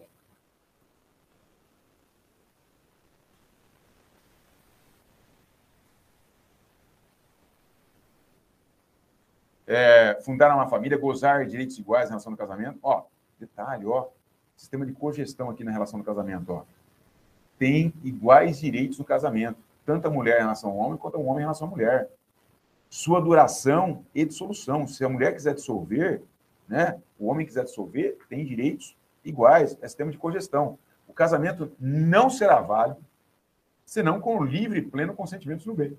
Aquela situação de promessa, promessa é, para para casar, né? Sabe aquelas promessas que existiam antigamente de casamento? Isso não é válido aqui, tá bom? Não é válido. A declaração ó, de 48 já não admitia mais, né? De casamento. Continuando aí, inciso, artigo, desculpa, 17, proteção à propriedade sem esquecer do seu fim social. Ó, toda pessoa tem direito à propriedade, só ou com em sociedade com outros. Né? O direito à propriedade aí também é, no sistema de cogestão é, com outras pessoas. Ninguém será inteiramente privado da sua propriedade. A Constituição traz isso, traz isso também, né? Traz lá no artigo 5 da Constituição, caput. Os direitos são invioláveis, o direito à vida, à liberdade, igualdade, segurança e propriedade. Também tá, dá para a gente falar tranquilamente. Liberdade de consciência e religião. Olha lá, artigo é, 18. Toda pessoa tem direito à liberdade de pensamento, consciência e religião. Este direito inclui a liberdade de mudar de religião, de crença, de liberdade, né, de manifestar essa religião pelo ensino da prática do, ou pelo culto, pela observância isolada e coletiva em público em particular. Aquela, aquela, sabe aquela? Todos são livres de expressar, de manifestar seu pensamento, a liberdade de manifestação de, é, de credos. O Brasil é um Estado laico que admite qualquer religião, até nenhuma, até ser ateu, até cultuar, cultuar coisas do mal. Né? Não ser nada ou ser outra religião. Até 88, a, a religião católica apostólica romana era a religião oficial no Brasil. A partir de 88, acabou. Não tem uma religião oficial. O Estado passa a ser laico. Tá? Continuando. Liberdade de expressão, nós vimos também, né? Toda pessoa tem direito à liberdade de opinião, de expressão. Esse direito inclui as liberdades sem interferência ter opiniões, procurar receber transmitir informações e ideias por qualquer meio, independentemente de fronteiras. O 19, é, o 20, desculpa, Toda pessoa tem direito à liberdade de reunião. Isso é um dos artigos que mais caem, né? Vou até colocar aqui, ó. É, artigo 5 acho que um dos que mais cai em, em concurso. Artigo 5 artigo 5 16 da Constituição Federal. Né? Todos podem reunir-se pacificamente, sem armas, em local aberto ao público, desde que não frustre outra, outra reunião anteriormente marcada pelo local, avise previamente a autoridade, independentemente de autorização. Olha lá, o direito de reunião do artigo 5 16. Então, nós temos aqui, toda pessoa tem direito à liberdade é, de associação. Nós temos direito à associação lá também, né? É, associação, é, desde que não tenha um caráter paramilitar. Ninguém pode ser obrigado a fazer ou fazer parte de uma associação, tá? É, aqui já não é, não é o artigo 516, não. 16 é lá em cima. Deixa eu tirar para lá. Vai para cá. Próximo, o 21, toda pessoa tem direito a tomar parte na, no seu governo, né, diretamente ou por intermédio de representantes. Isso daqui, eu não, eu não coloquei aqui, mas ó, todo poder emana do povo. Artigo 1 da própria Constituição, parágrafo único. Né? Vou contar o parágrafo aqui. Parágrafo ó, único. Todo poder emana do povo. E será exercido diretamente, né? ou é, de forma indireta, por meio de representantes eleitos, nos termos da Constituição. Olha lá, é o artigo 1 parágrafo único, trata os direitos políticos também, o artigo 12 seguintes da Constituição, né? E como que a gente manifesta aí diretamente? Por meio do voto. Eu posso colocar aqui o poder. Como é que eu faço diretamente? O voto, o voto, o referendo, audiência pública, pessoal. Também é uma forma de manifestação de poder pela, pela sociedade, né? É, e etc. Toda, poder, toda pessoa tem igual direito é, de acesso ao serviço público do seu país. A vontade do povo será a base da autoridade do governo, será expressa por eleições periódicas, legítimas, todo poder, todo por sufrágio universal, por voto secreto ou processo equivalente. Olha, e no 48 eles falavam isso já, pessoal. Em 48, hein? Você vê como que são as coisas, né? É... Vou colocar aqui, ó. artigo 1 Intervalo? Caramba, já, meu. De artigo 1 da CF. Então, mais um só. 22. Ah, aqui. Aqui finaliza os direitos de primeira geração. Vou entrar na segunda geração. Aqui é os direitos de liberdade. O direito de voto, o direito de envio, o direito de uma parte do seu governo, o direito de não ser violado na sua intimidade, na sua vida privada. São os direitos de primeira dimensão. Até anotei aqui, ó. Agora nós vamos entrar aqui nos direitos de segunda dimensão. Aqueles direitos de igualdade. O Estado tem igualdade para quem não tem. É eu falei para você, previdência social aqui, ó. Mas nós veremos depois, depois do intervalo, tá bom? Vamos tomar um café. Daqui 15 ou 20 minutinhos a gente volta. Grande abraço aí.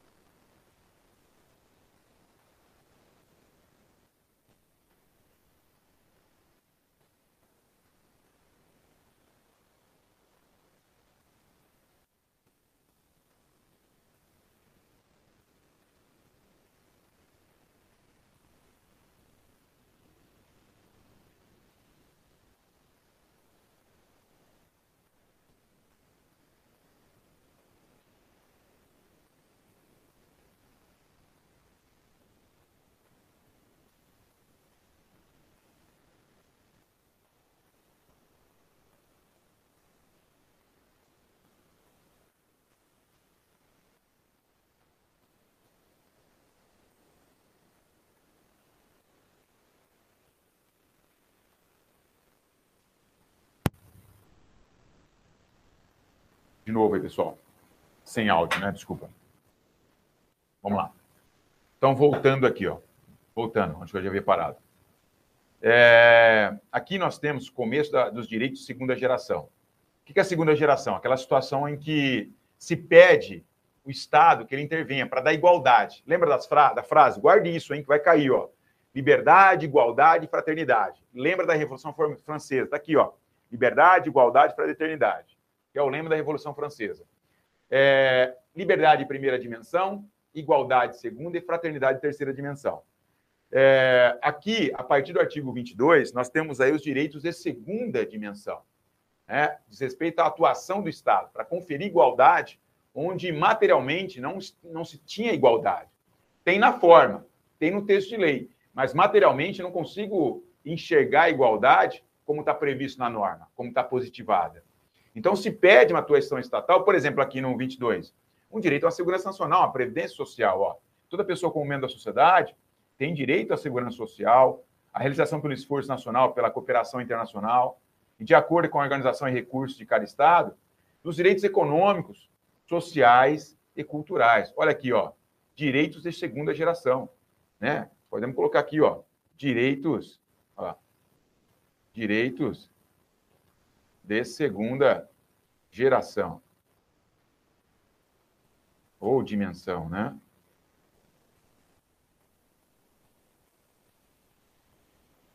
né? É, os direitos, não só os sociais aqui, ó, né? O Estado atue para dar um direito econômico, intervém na economia, direitos sociais, como já falou, na culturais, né? É, deixa eu tirar o, os sociais, porque já está aqui já. Ah, pode colocar assim, direitos sociais, culturais, são próprios segunda dimensão. O artigo 23 não é diferente, ó. O que, que nós temos aqui, ó? Você pegar a figurinha, né? É, direito a um salário justo, direito ao trabalho, a um salário justo, a organizar-se em sindicatos. Então, toda pessoa tem direito a um trabalho. Olha lá, o Estado intervém na economia para gerar mais emprego, a livre escolha de emprego, a justas condições favoráveis de trabalho, né? Tá aqui, ó. E a proteção contra o desemprego. Toda pessoa, sem qualquer distinção, tem direito a igual remuneração por igual trabalho. Aquela equiparação salarial, né? É, que se busca desde a, desde a época da Revolução Industrial. Por que, que o homem ganha mais que a mulher? Né? É, se quer a equiparação, trabalhos iguais por tempo igual, com a mesma é, desprendimento, tem que ser remunerado de forma igualitária. Né? Nós temos os direitos sociais aí, que são direitos de segunda dimensão também, para conferir igualdade, né? Presentes no artigo 6 e 7 da Constituição. Tá? Antigamente caía para você, não cai mais. Aliás, nunca caiu, caía para o CFO. Toda pessoa, a, a, Inter 3 do artigo 23, ó, toda pessoa que trabalha tem direito a uma remuneração justa, satisfatória, que ele assegura, assim, como a sua família, uma existência compatível. Né? O direito à sobrevivência, aquele mínimo, salário mínimo, né? com dignidade humana e que se acrescentarão, se necessário, outros meios de proteção social. Toda pessoa tem direito a organizar sindicatos né? e neles ingressar para a proteção dos seus interesses. Direito social aí também de sindicalizar-se, né? é, direito ao descanso e ao lazer. Então, aqui se busca o quê? Há um descanso diário, né, de, no trabalho de oito horas, descanso de 16. Há um descanso entre o trabalho, para não sofrer, fazer uma fadiga na pessoa. Há um descanso semanal. Um, como fala descanso semanal, abrange sábado ou sábado e domingo. Há um descanso anual para o cara poder dar uma relaxada. Porque se trabalhar a vida inteira, ele vai entrar em estresse a morrer. Né? Então, há o descanso anual. Então, toda pessoa tem direito de repouso, a lazer, a limitação razoável dos horas de trabalho, a férias periódicas remuneradas, né? É, são direitos sociais. Na verdade, aqui atende mais as normas de saúde, segurança do trabalho, que é direito social, né? As tais SST, Segurança, Saúde e Trabalho, né? As normas da S, normas de Segurança, Saúde e Trabalho. É, que mais? Artigo 25, direito à previdência assistência social toda pessoa. O que é assistência social? De repente o cara é solteirão, não casa, né? É, fica velho, não fica desempregado, não tem condições de manter seu próprio sustento, né? De ter direito à saúde. Então, olha lá, o Estado vai lá e confere assistência social àqueles que são desamparados. Por isso, o direito à igualdade a segunda geração de novo aí, ó. Toda pessoa tem direito a um padrão de vida, ou seja, o mínimo existencial, capaz de assegurar a si e a sua família saúde, bem-estar, inclusive alimentação, vestuário, habitação, cuidados médicos. Veja bem que esse texto é de 48, hein, pessoal? 1948. Os serviços sociais indispensáveis, um direito à segurança em caso de desemprego, doença, invalidez, viuvez, velhice, ó, tá vendo? Ó? Previdência social, aí, assistência social, ou, em outros casos, de perda de meios de subsistência, fora do controle. Nós temos aqui, a, a, a, colocando como regra, aqui aquela situação assistencial, né? O Estado vai dar assistência àqueles menos necessitados. Os mais necessitados, de novo, né? Os menos privilegiados. Então, a maternidade e a infância têm direito a cuidados é, e assistências especiais. Todas as crianças nascidas dentro e fora do matrimônio gozarão da mesma proteção social. Então, pouco importa se, é, se a criança é de uma relação incestuosa, se é de uma relação é, impura, né? ou fruto de um concubinato, né? É, o diamante, pouco importa, tem os mesmos direitos e garantias. Próximo, aqui, ó, é, direito à educação, né? Na figura aí, ó. Toda pessoa aqui cai para caramba e confunde, hein, pessoal? Até coloquei um quadrinho meu aqui, ó. Olha só. vou até colocar na lousa isso, viu? Vou até colocar na lousa. Vou fazer isso na lousa. Tá? Para ficar mais claro para você. Deixa eu tirar uma foto daqui. Fica mais, mais palatável para você.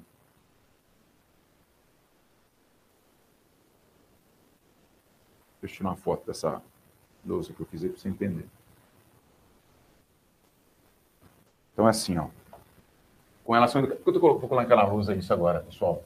Porque isso daqui, é, quando cai, confunde. Tem várias questões sobre isso. E quando cai, confunde. Vamos lá, quer ver? Pessoal, é, toda pessoa tem direito à instrução. Né? Sim. É, tem direito à instrução. A instrução, presta atenção aqui agora, a instrução será gratuita, gratuita. Quando? Nos níveis elementares e fundamentais, ou seja, até o nono ano. Tá? Mas isso nunca, é elementar e fundamental é gratuito. E além de ser gratuita é, no, no, nos graus elementares e fundamentais, no fundamental é obrigatório. No elementar é obrigatório. Tá? É, a instrução é, técnico-profissional será acessível a todos e no superior será baseado no mérito, beleza? Eu coloquei esse quadrinho, então, vamos colocar lá. Nós temos aqui, é, vamos, vamos para a redação, então, com relação à instrução. Instrução ou educação. Tá? Com relação à instrução, nós temos o quê? Nós temos alguns tipos. É, nós temos a, a instrução elementar, a elementar, a fundamental.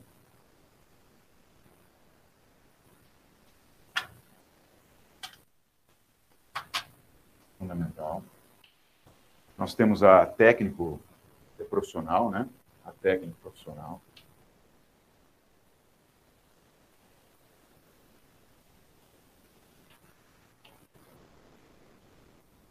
E a superior. Guarde esse quadrinho, sabe por quê, pessoal? Porque é... Aqui ele, ele, ele causa uma confusãozinha, tá? Olha só. Olha só. Vamos lá. A, funda, a elementar, além de ser gratuita, ela é obrigatória. A elementar, além de ser gratuita, ela é obrigatória. Ela é obrigatória. A fundamental, ela é gratuita. Como eu tinha falado no comecinho lá, ó, vamos pegar lá em cima, quer ver? Ó, ó, ó olha aqui. A, a, a, instrução será gratuita, ao menos nos graus elementares e fundamentais. Então, olha lá. Deixa eu descompartilhar com você aqui, fica mais fácil enxergar a luz. Um momentinho só. Quero que você enxergue a luz, fica mais fácil. Ó. Então, quanto à instrução, nós estamos no artigo 26. Artigo 26.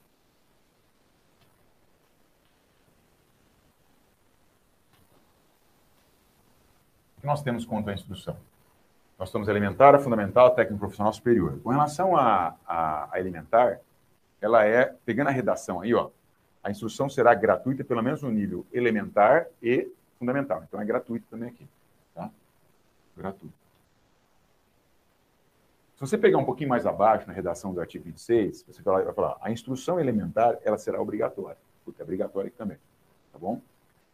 A instrução é, técnico profissional será acessível a todos. Opa.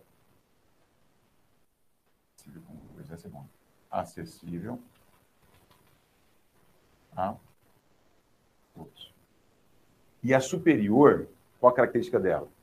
Ela, além de ser acessível a todos, ela é baseada no mérito. Olha lá. A instrução técnico profissional será acessível a todos, bem como a instrução superior, que está baseada no mérito. Então, assim, ó, vou colocar aquelas. Então, também acessível a todos.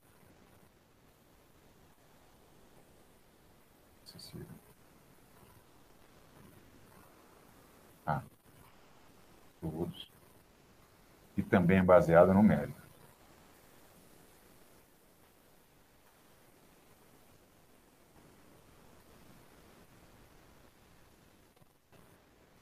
Baseado no mérito. Beleza? Vou colocar aqui em cima, acessível a todos, que é mais legal. Tá? todos. Mas. Por aqui.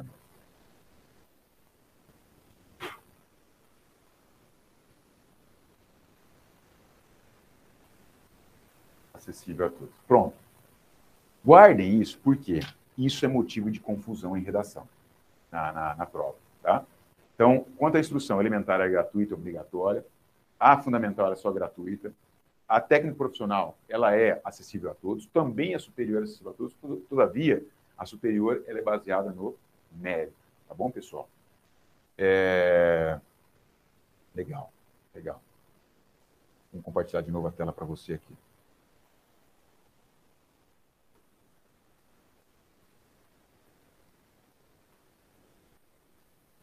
Olha lá. A instrução será orientada no sentido do pleno desenvolvimento, item 2 aí do artigo 26. Né? A instrução será orientada é, no sentido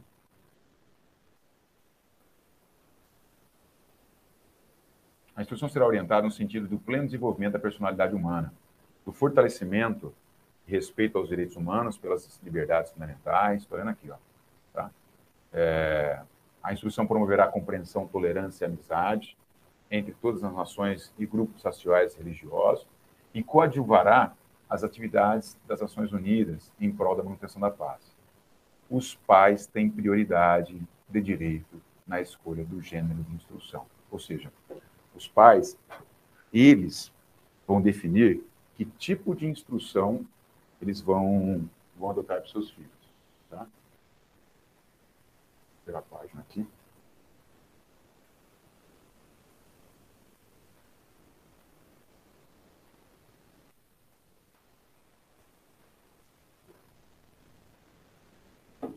Legal. Continuando. Continuando aí. Então, uh, por, que, por que ele colocou isso daqui? Porque nos Estados Unidos há a possibilidade ainda, né, principalmente no item 3 aqui, dos pais, é, em alguns estados lá, os pais, eles próprios tratarem, conduzirem a educação dos seus filhos, ensinando em casa, nos níveis mais elementares, nos níveis lá em cima. Tá? Então, só que no Brasil não é permitido isso daí. Temos algumas ações vitoriosas, mas não é uma regra geral. É, 27. Faltando três artigos, é quatro, na verdade. Né? Liberdade de vida cultural para todos. Toda pessoa tem direito de participar livremente da vida cultural da comunidade. Olha lá, os direitos culturais. Direito do Estado. O Estado promove a cultura. Né? De fluir artes, participar de, de, participar de processos científicos, né? É, colher seus, aqui e tal, é, e de seus benefícios. Toda pessoa tem direito uma proteção de interesses morais e materiais decorrentes de qualquer produção científica, literária ou artística, né? Ou seja, meu, vou proteger os direitos autorais. A Constituição Federal faz isso também, e aqui não é diferente, vai fazer, começou daqui, né? Próximo, 28. direito a uma justa ordem social. Toda pessoa tem direito a uma, uma ordem social internacional em direitos e liberdades estabelecidos na presente declaração. Mesma coisa, também nunca caiu essa. É o 29, penúltimo artigo aí, todos têm é, deveres para com a comunidade é, nacional e internacional. Deveres para com a comunidade internacional. Então, aquela, sabe aquela, aquele, aquele dever de solidariedade estatal em, com outros estados? Ah, está tendo uma crise hídrica, está tendo uma crise social, uma crise humanitária lá na, no Haiti, vamos ajudar, né? lá. Toda pessoa tem deveres para com a comunidade em que, em que o livre pleno desenvolvimento de sua personalidade é possível. Ou seja, aquela, aquele direito e dever na, na, dentro da sociedade mesmo. No exercício dos seus direitos e liberdades, toda pessoa está sujeita apenas a limitações determinadas por lei. Lembra aquele princípio da legalidade? Eu coloquei até aqui, ó, em sentido amplo, né? Ninguém é obrigado a fazer ou deixar de fazer algo se não é virtude de lei. Artigo 5 ou lá no inciso 2 da Constituição Federal. Lembra? É, ninguém é obrigado a fazer ou deixar de fazer algo se não é virtude de lei. Então, é, só pode determinar algo, uma abstenção, ou determinar um comportamento, uma, uma ação, uma abstenção ou uma ação, pode estar, estar prevista em lei. Eu até brinco, isso aí é verdade mesmo, né? Ninguém é obrigado a fazer ou deixar de fazer algo sem virtude de lei. Tem lei que obriga a usar máscara, né? Ah, tem um decreto com força de lei. Estou jogando isso daqui para a gente, não, não para fomentar a discussão aqui, mas para você parar para pensar e verificar essa situação, tá? Verificar que eu diga assim, começar a raciocinar sobre essa situação e pensar e criar seus próprios posicionamentos, tá? Então, no exercício dos direitos e liberdades, toda pessoa estará sujeita apenas às limitações determinadas por lei, exclusivamente com o fim de quê? De assegurar o devido reconhecimento e respeito aos direitos e liberdades de outrem e de satisfazer a justa exigência moral da ordem pública, do bem-estar e de uma sociedade democrática, né? É aquela situação, né? Eu até coloquei aqui, ó, o direito de um vai até onde começa o direito do outro, né? É, há sempre um limite a, a determinar é, onde, até onde vai o seu direito. Tá? Esses direitos e liberdades não podem, em hipótese alguma, ser exercidos contrariamente aos propósitos e princípios das Nações Unidas. Nós temos aí, é, na Carta das Nações Unidas, no artigo 1 e 2, esses princípios das Nações Unidas. Né? Vou até colocar em vermelho aqui, ó. os princípios das Nações Unidas estão lá no artigo 1 e 2 da Carta das Nações Unidas. Deixa eu Shift F3. Shift F3, é isso mesmo. Né? E último artigo, derradeiro, né? É, ninguém, por razão alguma, poderá suprimir esses direitos. Tá? É, nenhuma disposição presente na declaração pode ser interpretada como o do direito de exercer atividade ou de praticar qualquer ato discriminado de destruição. É, direitos e liberdades aqui estabelecidos. Essa interpretação que deve ser dada aqui, eu até coloquei aqui, ó, a interpretação é para maximizar direitos não para minimizá-los. Tá? É, a interpretação que se dá na carta dessa Declaração Universal dos Direitos do Homem, né, que é a Resolução 217.3 da, da, da Assembleia Geral das Nações Unidas, lá de 10 de dezembro de 48, é para quê? Para maximizar direitos. Qualquer interpretação não será restritiva, será ampliativa, tá bom? E por aqui nós fechamos. Vamos fazer alguns exercícios aí para nós é, materializarmos essa, esse, esse, esse cenário aqui. Deixa eu pegar, deixa eu abrir aqui agora, que eu não, tava, não tinha previsto fazer isso aqui, mas vamos, vamos fazer só para testar para você ver. Vou te mostrar algumas coisas. Vou pegar aqui livros. Só que assim, meu pessoal, está com gabarito já, tá? Porque como está em, eu mandei, assim, não está em fase de, de, aliás, está com gabarito, mas lá, não aqui. Então, analise nessa, nessa ótica, tá? Perguntas. Deixa eu ver se está aqui dentro, acho que está aqui leis especiais, direitos humanos. Está aqui, ó, 3 mil questões. É por matéria, leis especiais, penal, processo penal militar, é, habilitar conteúdo. É. Habilitar conteúdo. Então, nós vamos aí para Declaração Universal. Ctrl L. Ah,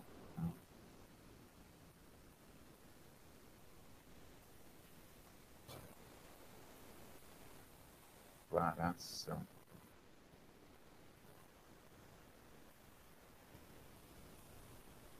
Aqui, ó, vamos começar. Caiu no mestrado profissional. Ó, apesar que isso aqui é, é, uma, outra, uma outra situação. Vamos pegar uma aqui. Vamos pegar aqui, ó. Polícia Civil de São Paulo, 2000 e, é, 2018. Aqui não cai para você, essa não cai, aqui também não cai. É, é correto não, também não pede lei e tal, retroatividade. Segundo disposto na declaração, ó, investigador de polícia 2018. Segundo disposto na Declaração Universal dos Direitos Humanos, se depois da perpetração do delito a lei dispuser a imposição de pena mais leve, o delinquente será por isso beneficiado. Essa norma de direito penal, ela é representada por qual princípio? Né? Se a lei dispuser, olha, vem a lei, está na Declaração dos Direitos do Homem, é, a lei vem e fala assim, ó, se depois da perpetração do delito a lei impuser pena mais leve, essa lei vai retroagir ou não? Isso está no artigo 5 40 da Constituição. Ela vai retroagir? Não, retroage. O que não pode acontecer é a aplicação da pena mais severa, em face daquela pena que era prevista na data da infração. Na data da infração, na pena X. Quando foi sentenciado, era X mais 10. Não, é o X que eu vou aplicar.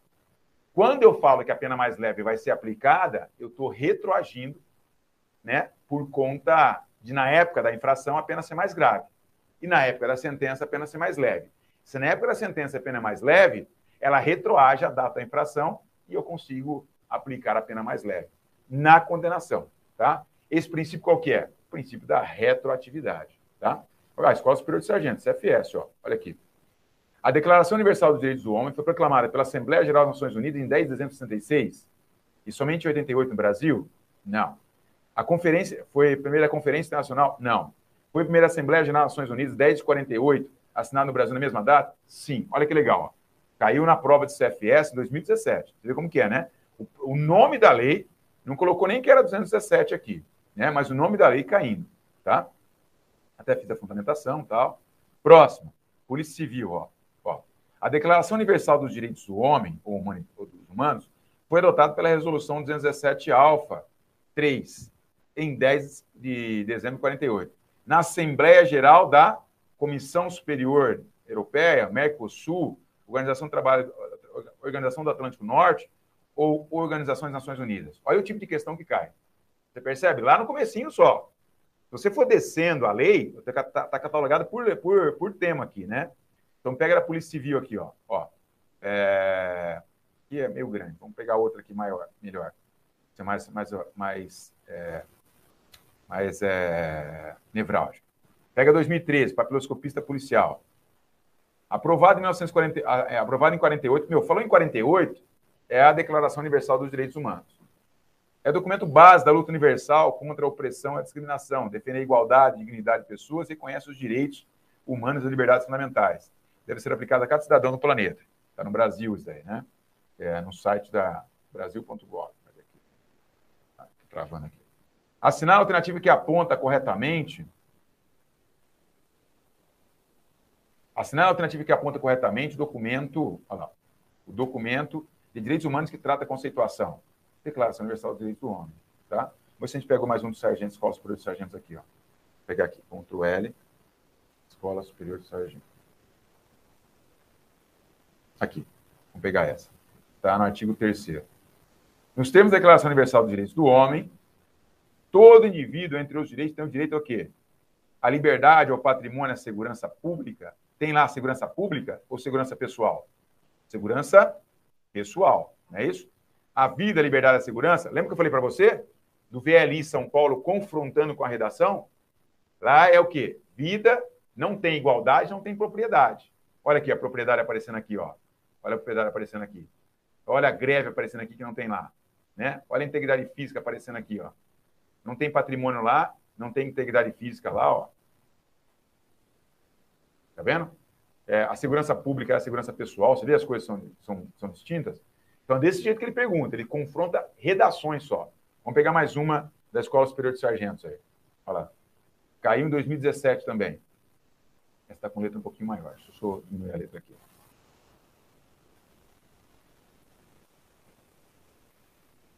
Olha lá. Segundo o disposto na Declaração Universal dos Direitos do, do, do Homem, do, do Humanos, é correto afirmar: todo ser humano vítima de perseguição tem o direito de, de procurar e gozar asilo. Toda.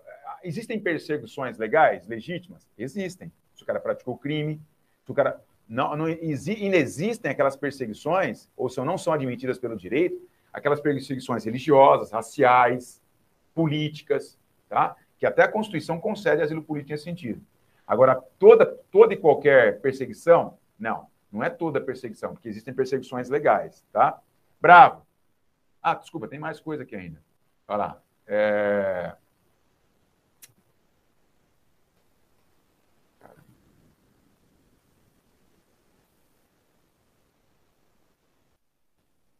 Ah, caramba, mesmo,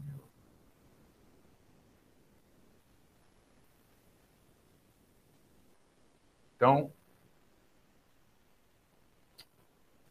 Diminuir ver tamanho o pessoal tá para isso. Ó. Todo ser humano vítima de perseguição tem o direito de procurar e gozar asilo em outros países, mesmo se a perseguição leite. Ah, até colocou aqui, ó. For legitimamente motivada por crimes de direito comum ou atos contrários aos objetivos e princípios das Nações Unidas? Não. Por esse motivo aí, a perseguição é legítima. Todo ser humano, sem qualquer distinção, tem direito a igual remuneração por igual trabalho? Sim, está correto.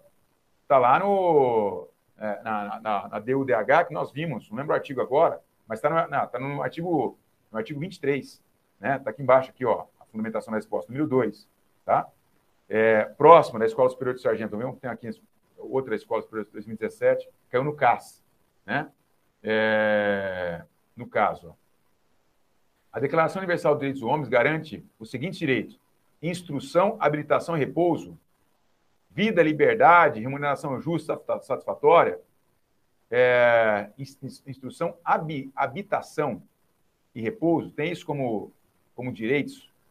É, a vida, a liberdade, a, a, remuneração justa, satisfatória, o trabalho, a aposentadoria justa, tem aposentadoria justa lá? Não, não tem. Né? Tem lazer, organizar sindicatos, assistência financeira, tem assistência. Né? A financeira não fala, fala assistência. Instrução, a, tem a instrução colocamos na lousa. Habitação e repouso. Tem o um repouso, habitação, mas não dessa forma. Resposta correta, Charlie. Tá vendo? É pra você sentir o jeito que cai no nosso concurso. Vou pegar mais, mais recente aqui, deixa eu ver. Vamos ver a reunião pacífica, já falamos já também. Processo aberto, vamos pegar a próxima. 2014, não. 2014, cabo. Vamos pegar aqui CAS, Declaração Universal. É... Hospital, CAS. Turma que fala de direitos aqui, vou tentar achar com geração de direitos. Bom, bom foi para você sentir como é que são as questões na, na, na, na como eu digo para você, na, nas provas da DUDH, né? Então, deixa eu salvar aqui que eu vou, vou mudar de agora. Vamos partir agora para aquela parte que nós vimos parada na semana passada. Eu usei um, um tema mais chato para falar hoje, para nós retomarmos aqui o artigo 310 do Código de Processo Penal, tá? Então, agora, vamos pegar um pouquinho mais que você vê a aplicabilidade, aplicabilidade aí. Não fica muito essa, essa como se diz, é... aquelas, aquelas matérias que você pouco tem tem contato com elas no dia a dia, né? Então, matérias mais palatáveis, a, a, a, a ideia agora, palatável. Deixa eu pegar aqui a, a foto de ontem que eu tirei para a gente ver onde nós paramos. Ah, tá, lembrei agora. Legal. Onde eu vou começar a partir do 310. Onde está isso daí, pessoal? Deixa eu. Está no artigo 310, está naquele material complementar que eu te enviei, tá? Não está na apostila. Deixa eu pegar uma redação aqui, ver se está na apostila. Eu, quase certeza que não está. Mas está no material complementar que eu te enviei. Deixa eu ver aqui. A gente custódia. Ver se tem aqui. Ctrl C. Ver aqui. Ctrl F, Ctrl V. Ah, não, está aqui não, desculpa. Perdão. Deixa eu pegar o material que te enviei. Caderno de sargentos. Deixa eu ver se está aqui. Ctrl, Ctrl F. Ctrl F, Ctrl V. 310, está aqui sim. Tá, tá sim. Você tá, vai pegar, inclusive eu coloquei em negrita, é na página 144, tá? Página 144. 144 da apostila normal, da apostila convencional, não do material complementar. Inclusive está em negrito, tudo que está em negrito é modificação legislativa. E esse daí veio pela via do pacote anticrime, pela lei 13864, tá? Então, o que nós estamos vendo aqui? Vamos ver agora, veremos agora, continuar ao aspecto da prisão, tá? Olha só, quando a gente fala em prisão, pessoal, ó, prisão. A prisão no Brasil, ela assume três facetas. Continuando aquela aula de ontem, né? Nós temos a prisão penal, a prisão processual e a, e a prisão extrapenal, ou extrapenal, né? Ou é. Vou te compartilhar com você, para você não ficar enxergando. Deixa eu se está compartilhando alguma coisa, tá? Para você enxergar a luz. Enxergar a luz. Então, tem a prisão penal, a prisão processual e a extrapenal, ou chamada extra processual, tá? O, que é aquela que não é penal. Qual que é, qual que é a sentença, a, a, a prisão penal? Para você entender. A prisão penal é aquela que, ó, é aquela que não ocorre nem no inquérito policial, nem na ação penal. Está acontecendo o um inquérito. Não, aqui não é prisão penal. está acontecendo a ação penal, o processo, né? o processo, e aqui é, o inquérito. Tá? Não, não tem prisão aqui. A prisão penal é aquela que ocorre depois do trânsito em julgado, ao TJ, depois do trânsito em julgado. Quando já transitou em julgado a sentença, eu vou impor prisão penal, é essa daqui que é a prisão penal, tá? Essa daqui. Essa é a prisão penal. Quando houve o trânsito julgado a sentença. Então o cara foi condenado, acabaram todos os recursos, tem que cumprir pena agora, prisão penal. Nós temos a prisão extrapenal. Quais são as prisões extrapenais? Temos dois tipos dela. Temos a prisão administrativa, é administrativa disciplinar, né? Podemos colocar aqui, que está baseada nos regulamentos disciplinares, nos regulamentos disciplinares militares, tá? E também temos a prisão civil. Qual é a prisão civil que nós temos hoje aqui? Nós temos a prisão civil por é, para o devedor de pensão alimentícia. O devedor, devedor de pensão alimentícia, aquele cara que pratica o abandono material, alimentícia. Legal? Então, duas prisões extrapenais ou extraprocessuais. É, eu gosto mais de extrapenais. É, aquela baseada em regulamento disciplinar militar, tá? Regulamento disciplinar militar, e aquela é, é, é, determinada com base no inadimplemento é, voluntário e excusável de pensão alimentícia. E principal agora é a nossa prisão processual. A prisão processual, da qual a gente vai começar agora a falar sobre ela, é essa prisão processual que nos interessa. Tá? Na prisão processual, eu vou entrar no 310. Nós temos três tipos dela. Nós temos a prisão em flagrante, tá? que eu vou pegar, juntar as duas, as duas linhas aí. Nós temos a prisão preventiva, que eu vou ter que apagar para falar sobre ela, tá? a preventiva, e a temporária, tá? que não cai para você. A temporária não cai para você. Tá? não cai para você. É, a prisão temporária, nós não trataremos dela. Por quê? Porque não o CFS. Já a prisão em flagrante, cai para você. E a partir desse, desse tópico aqui, nós vamos inaugurar a sua, a sua, a sua aula aí e voltar para 310. A prisão em flagrante, ela, você sabe que hoje existem dois tipos de prisões no Brasil, segundo a Constituição Federal. A Constituição fala o seguinte, Federal fala o seguinte, ó, dois tipos de prisão. A prisão em flagrante é por ordem, olha lá, ordem judicial. Né? A prisão por ordem judicial é tanto a prisão preventiva quanto a prisão temporária. Tá? A por ordem judicial, prisão preventiva e prisão temporária. Ah, professor, tem outras prisões processuais? Tem também, mas não caem para você. Olha lá, tem a prisão do desertor, né? O cara está desertor, posso prender, é uma prisão processual. Eu tenho a prisão do insubmisso, né? Insubmisso também. Eu tenho a prisão, é, a detenção do indiciado, detenção do indiciado, tá? que não cai para você, chamado menagem prisão. Menagem cai para você. Menagem cai, nós vamos vê-la é, talvez na próxima aula. É um tema bem complexo. Legal, viu?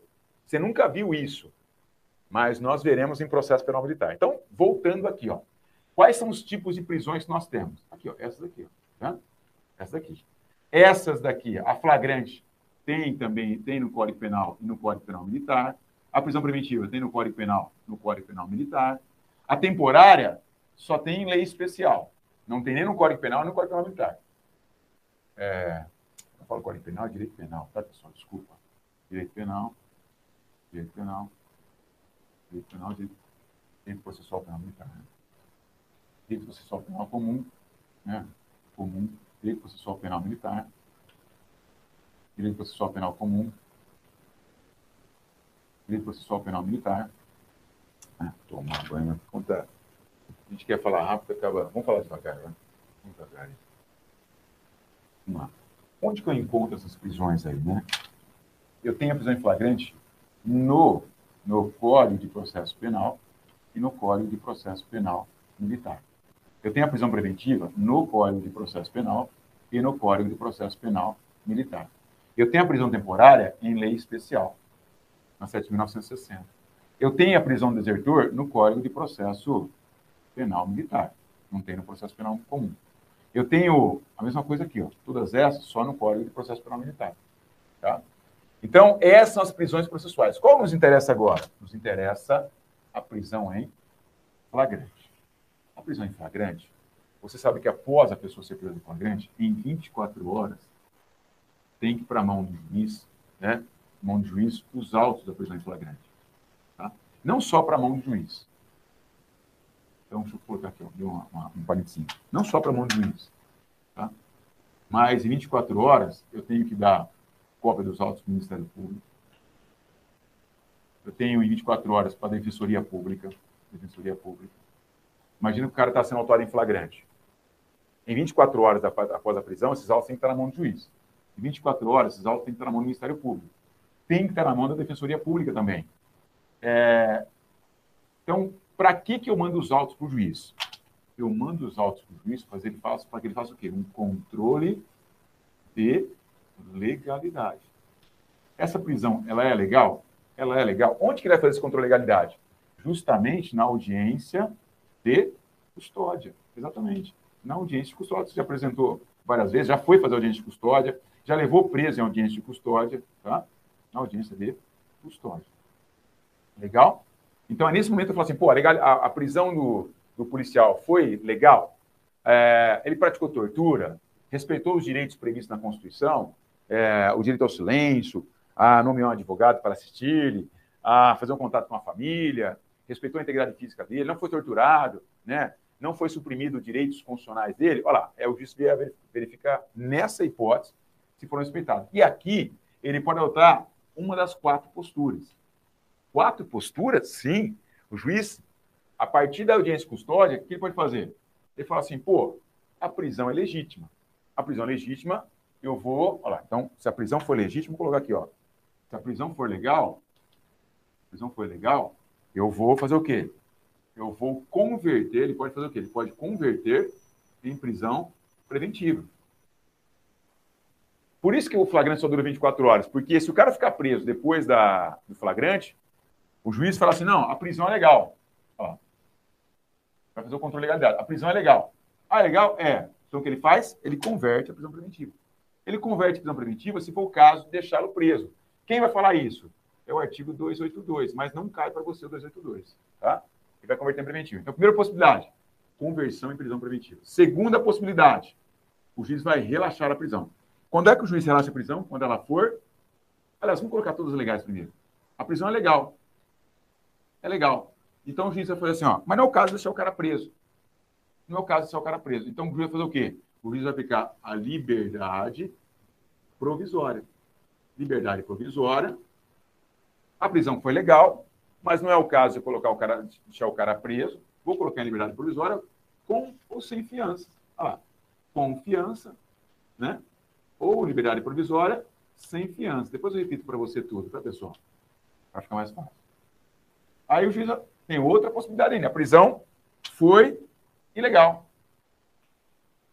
A prisão foi ilegal. Né? Ilegal. Se a prisão foi ilegal, o que ele vai fazer? Ele vai relaxar a prisão. Ele vai relaxar. Relaxar. Porque toda prisão é legal, ela é relaxada, o cara ganha liberdade. Só que eu tenho uma quarta possibilidade ainda e que o juiz considera aqui, na interpretação dele, ó, a prisão não teve nada de ilegal. A prisão foi legal. Só que ele praticou fato amparado por uma excludente lá do artigo 23 do Código Penal. O que ele vai fazer? Vai colocar o cara em liberdade provisória somente. Somente liberdade provisória, sem fiança nenhuma. Tá? Então, há quatro possibilidades de juiz. Então, de novo, vamos começar. A pessoa foi presa em flagrante. Em 24 horas, né, em 24 horas, esses autos têm que ir para a mão de quem? Do juiz. Para quê? Porque ele faça o controle de legalidade. O que é o controle de legalidade? Ele faz aonde? Faz na audiência de custódia. Tá, legal. Em 24 horas, além de ir para a mão do juiz, vai para quem também? Além de ir para a mão do juiz, né, vou colocar o juiz aqui, ó. além de ir para a mão do juiz, vai para a mão do Ministério Público e do defensor público, se ele não tiver constituído um defensor por ocasião da lavratura do, do flagrante. Então o cara foi preso em flagrante, não tem defensor? Tem que mandar para o defensor público. O cara foi preso em flagrante. Tem defensor? Tem. Mesmo assim, tem que mandar para o Ministério Público e para o juiz, para que haja, é, para que eles façam audiência de custódia. Tá? O juiz, ao analisar essa prisão, ele vai falar assim: meu, é legal ou não é legal? Se for ilegal, ele relaxa. Se for legal, ele pode converter em prisão preventiva, pode aplicar liberdade provisória com sem fiança, e se ele verificar que o cara praticou o fato, não parado por uma causa excludente de ilicitude, ele coloca o cara em liberdade. Beleza? Essa é a prisão em flagrante, pessoal. Tá bom? É o que fala no 310. Vamos dar uma olhada no 310? Vamos encontrar tudo isso que nós colocamos na lousa é, para você aí no 310? Vamos lá, então. E a gente entra na prisão preventiva. Tá? Vamos lá. Vamos lá. Vou compartilhar a tela com você agora.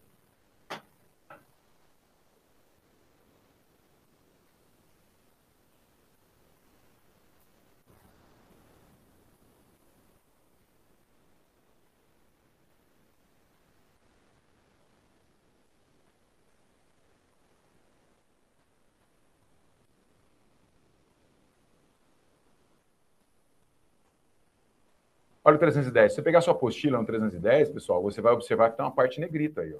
Né? Tudo isso que está em negrito, ele é. Aqui, ó. Se eu consigo sublinhar com você, você está enxergando isso. Tá, está enxergando. Toda essa parte da negrita é modificação legislativa. Pode ver que a lei é 13, 964 2019. É redação, aquela pacote anticrime da época do Moro. Tá? É muito boa essa lei, viu? Muito boa. Trouxe vários aspectos assim, que ajudaram muito o sistema processual. Logicamente, precisa fazer uma reforma completa, né? Mas ajudaram bastante. Então, vamos lá. Vamos analisar isso daí com base no texto aqui que eu trouxe do, do, do, do, do Planalto. Vamos lá. Então, é assim, ó. Após receber o auto de prisão em flagrante, no máximo 24 horas após a redação da prisão, o juiz deverá promover né, a audiência de custódia, com a presença do acusado, seu advogado constituído, é, ou, se não tiver advogado constituído, membro da Defensoria Pública, e o Ministério Público. E nessa audiência, o juiz deverá, fundamentadamente, relaxar a prisão, se ela for ilegal, converter a prisão em flagrante preventiva quando estão presentes os requisitos do artigo 312. Nós veremos aí agora. Eu coloquei 282 lá, mas por quê? Porque o 282 ele fala em, ele fala assim, meu, é necessário, é adequada a prisão, né? Então, só para você, você ter ideia, não. Olha lá, fala 282. Não, para cima. Para cima, tá vendo? As medidas cautelares, a prisão preventiva é uma medida cautelar, tá? As medidas cautelares ou as prisões cautelares, eu vou levar em consideração para prender o cara a necessidade e adequação. É necessário? É adequado prender o cara por causa daquele fato? Foi um disparo acidental que ele vitimou o colega de, de, de farda. É necessário para aplicação da lei, para investigação, para instrução, né? É adequada a privação de liberdade? Então, com base aqui, nós vamos é, delinear. Mas, para isso, tem que estar presente o quê? Os requisitos do 312. Nós veremos daqui a pouquinho, tá bom? Então, converter a prisão preventiva em é, prisão flagrante, desde que estejam presentes os fundamentos, requisitos e as condições de admissibilidade do 312, tá? E se revelarem adequada e suficiente a prisão também, tá? Se for adequada e suficiente, eu prendo. Se for inadequada e insuficiente, eu aplico medida cautelar. Tá? É, você viu o mesmo binômio, ó, adequação e suficiência? É a mesma coisa tendo 282. É adequação e suficiência lá. Por isso eu coloquei lá em cima, tá? Esse, na verdade, como o 282 não cai para você, poderia até deixar de fora. Né? Deixa eu pegar aqui. Olha lá. Ó, necessidade e adequação. É necessário? É suficiente? É necessidade e adequação. Tá vendo? Então vamos lá, Ctrl S, 310.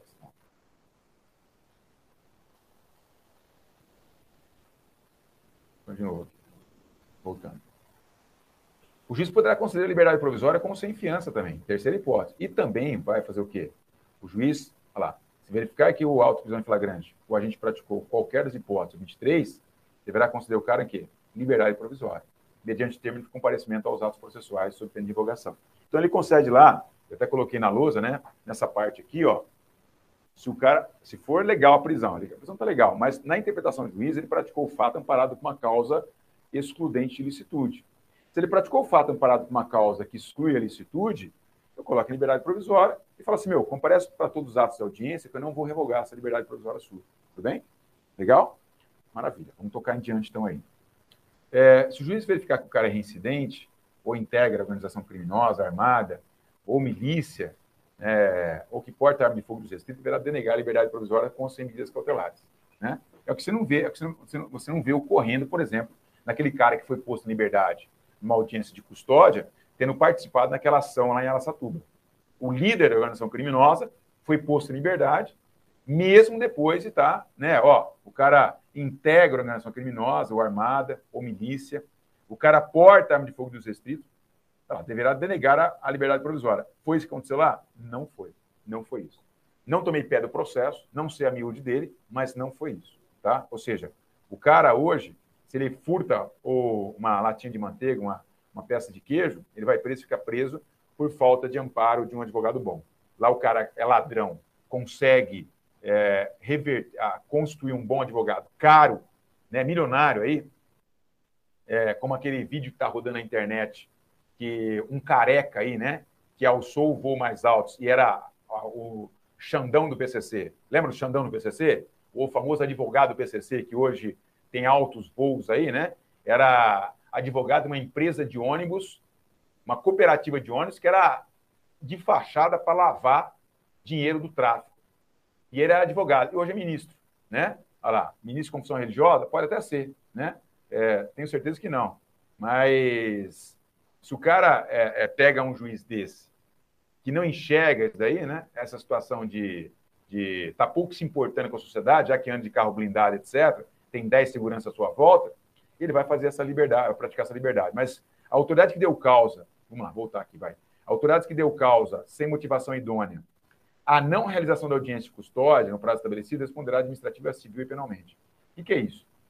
Qualquer autoridade na persecução processual, seja o delegado de polícia, seja o oficial do PJM, seja o próprio sargento que segurou os autos, não encaminhou os autos para o juiz 24 horas, aquela que deu causa à não realização da audiência de custódia 24 horas, ela ficará sujeita à responsabilidade civil, penal e administrativa.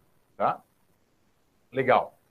Transcorridas 24 horas após o decurso do prazo estabelecido no caput desse artigo, a não realização da audiência de custódia sem motivação idônea, meu, passaram-se 24 horas do ato constritivo de prisão. O cara está preso e não foi levado a uma autoridade judiciária. Ensejará também a ilegalidade da prisão. Ou seja, pelo mero pouco importa o que o cara fez, hein? Pouco importa o que o cara fez. O cara pode ter matado o Papa. Mas se a, se a prisão, se a audiência de custódia não foi realizada em 24 horas do, a, até a partir do ato constritivo estatal, haverá, ensejará também a ilegalidade da prisão e relaxamento por parte da autoridade competente, sem prejuízo da imediata decretação da prisão preventiva. Né? É, isso tem a DIN questionando isso aqui, né? Mas fechamos aqui aquela tela ali. Fechamos aquela tela. E agora, pessoal, nós vamos partir para a prisão preventiva, tá? É, vamos partir para a prisão preventiva. Ainda que nós coloquemos aí, pode 311, né? Ainda que nós coloquemos aí somente a, a estrutura, mas nós vamos fazer a prisão preventiva hoje.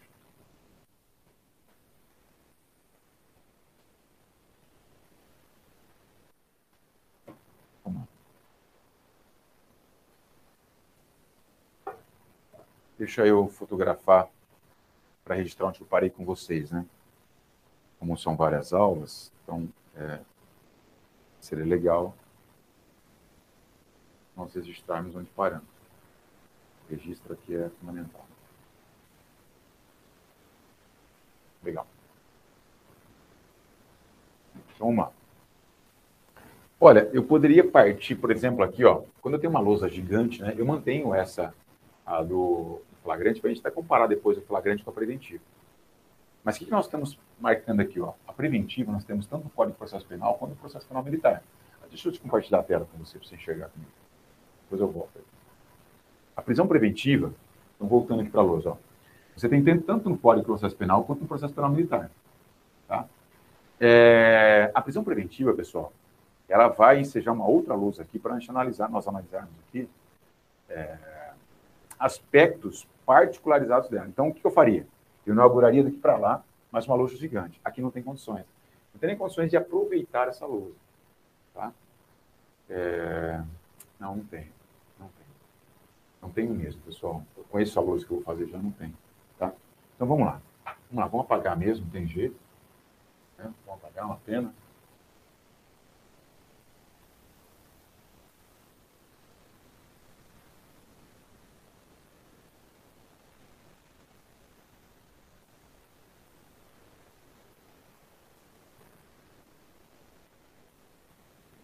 Quando a gente fala em prisão preventiva, vamos começar a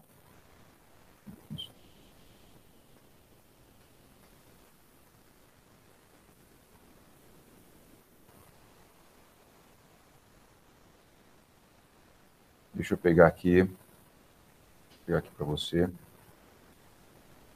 Prisões preventivas, tal.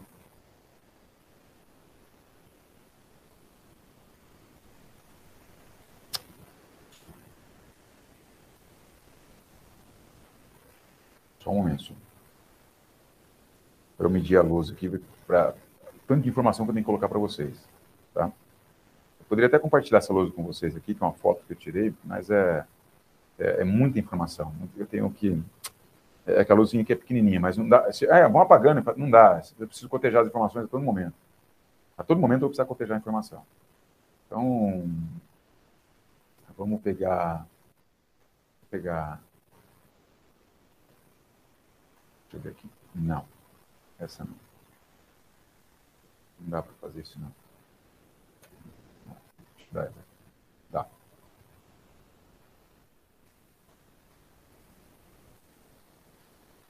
Então, vamos lá. Hum, vai ficar apertado, hein? Vai ficar apertado, mas vamos lá. Quando a gente fala em prisão preventiva, nós vamos falar prisão preventiva aqui, né? Aproveitando, não. Nós vamos falar do artigo 311 e seguintes do CPP e o 254 e seguintes do CPPM. CPPM, tá? 311 seguintes do CPP, 254 e seguintes do CPPM. Beleza? Legal. Legal.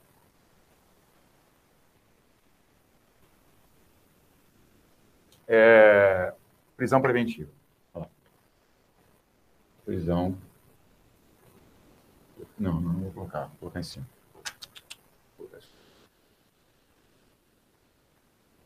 Nós vamos colocar aqui, ó. Os fundamentos da prisão preventiva.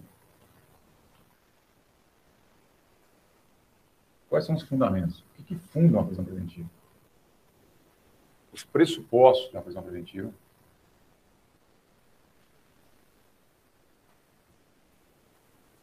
Eu aconselho você fazer uma página em em paisagem aí, tá?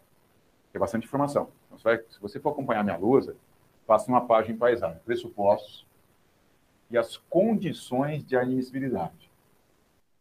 Condições de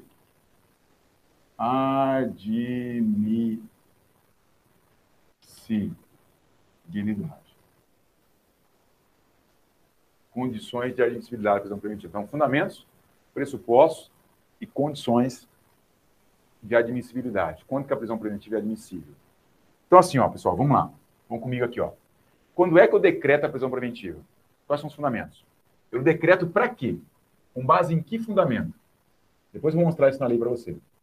O menos, menos passos possível. Para garantia da ordem pública. Então, eu decreto a prisão preventiva para garantir a ordem pública. Depois eu explico o que é isso. Ou, ó, principalmente agora presta atenção nas conjunções aqui. Essa é uma alternativa. Ou, para quê? Para garantia da ordem econômica.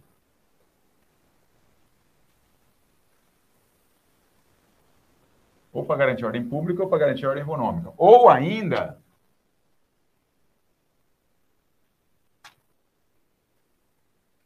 para a aplicação da lei penal.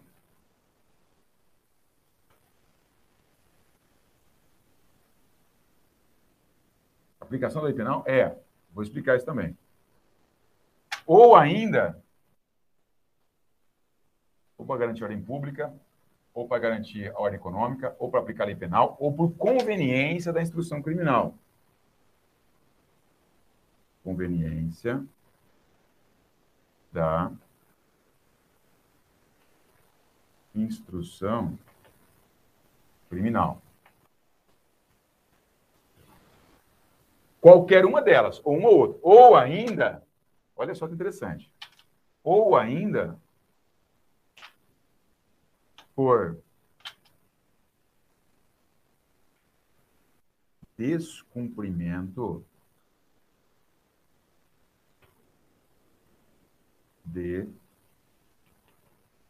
medida cautelar.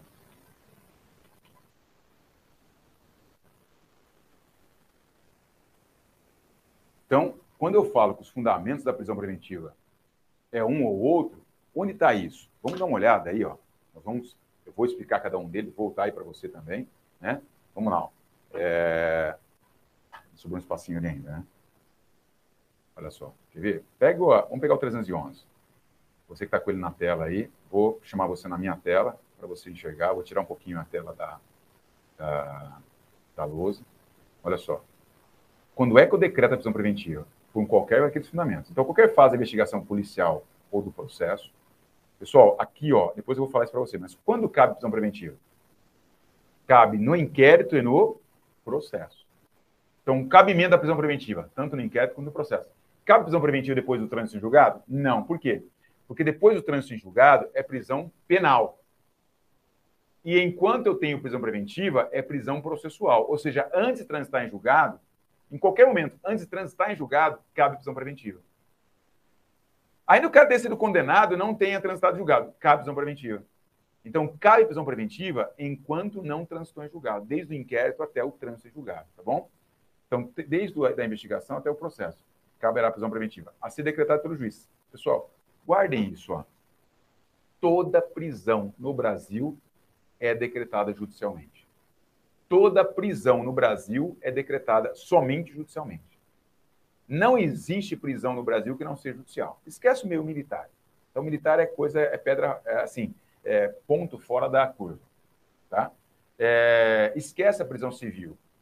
Oh, perdão, esquece a prisão militar é, e esquece a prisão em flagrante. Porque a prisão em flagrante só dura 24 horas.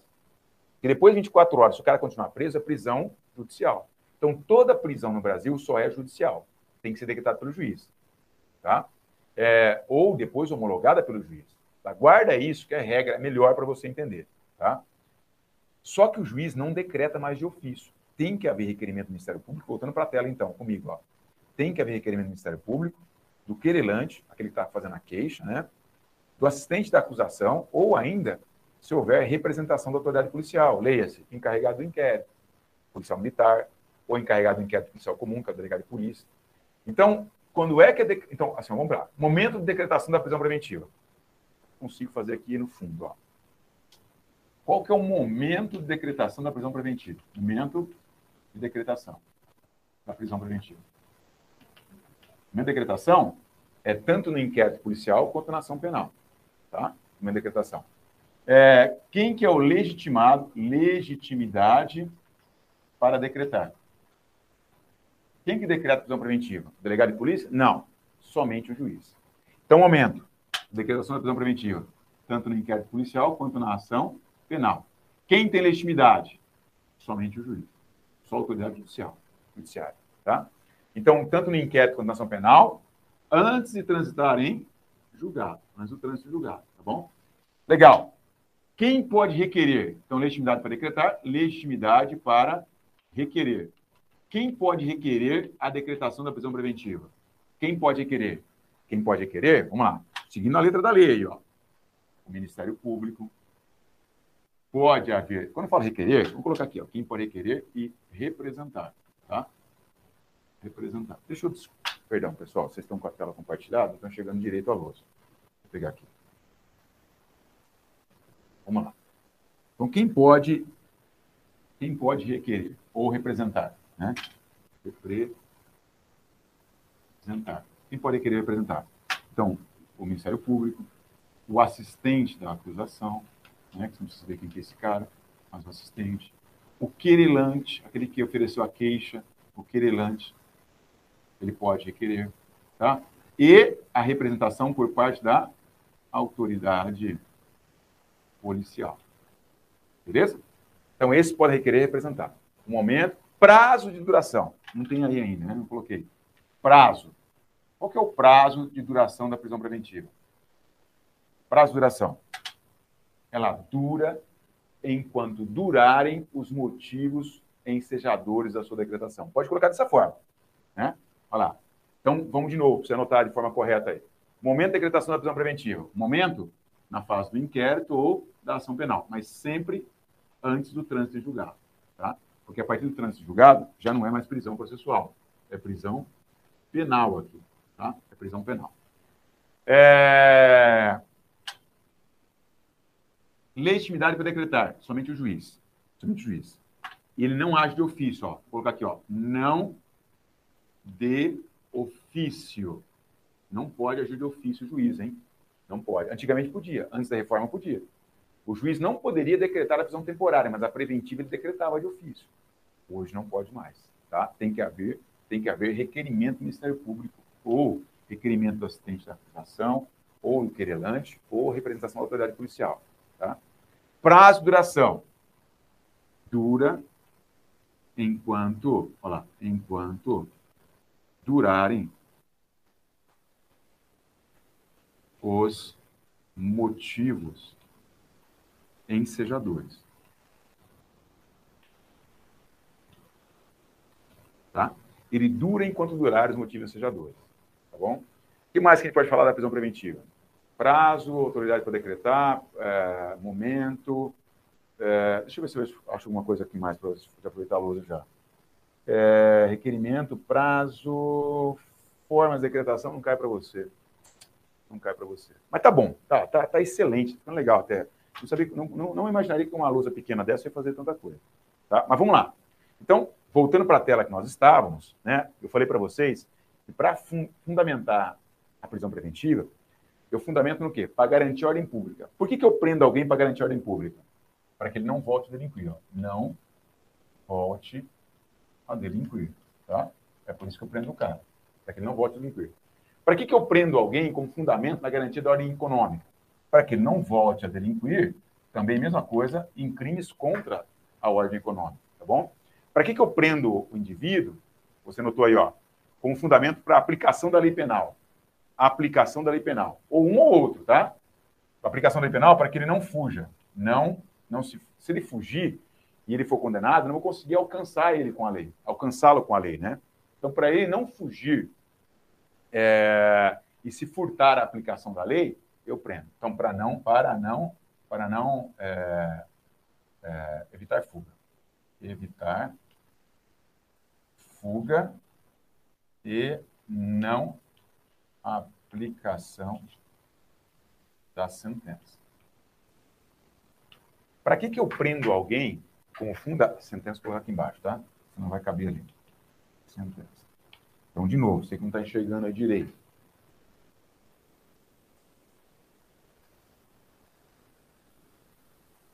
Para que, que eu prendo alguém como garantia da ordem pública? Para que ele não volte a delinquir. Tá? Para que, com, com fundamento que eu prendo alguém para garantir a ordem econômica? Para que ele não volte a delinquir nos crimes contra, olha lá, contra a ordem econômica. Tá? Para que, que eu prendo alguém com fundamento a aplicação da lei penal? Para evitar fuga e não aplicação da sentença depois, na concreta. Para que, que eu prendo alguém, que aqui é o que mais se incide, ó, com fundamento por conveniência da instrução criminal? Para não prejudicar provas. Para não prejudicar provas. Tá? Como é que eu, qual o fundamento do descumprimento de medida cautelar? A medida cautelar, pessoal, não cai para você, mas está lá no artigo 319 e 320. Não cai para você, tá? Mas guarde isso, por ele descumprir medida cautelar? Então, beleza aqui, tal. É...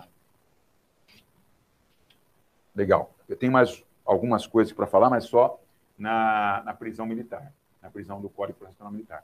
Só que qualquer uma dessas, porque é ou, né? Ou garantia de ordem pública, ou garantia de ordem econômica, ou aplicação da lei penal, ou conveniência da instrução criminal, ou descumprimento de cautelar.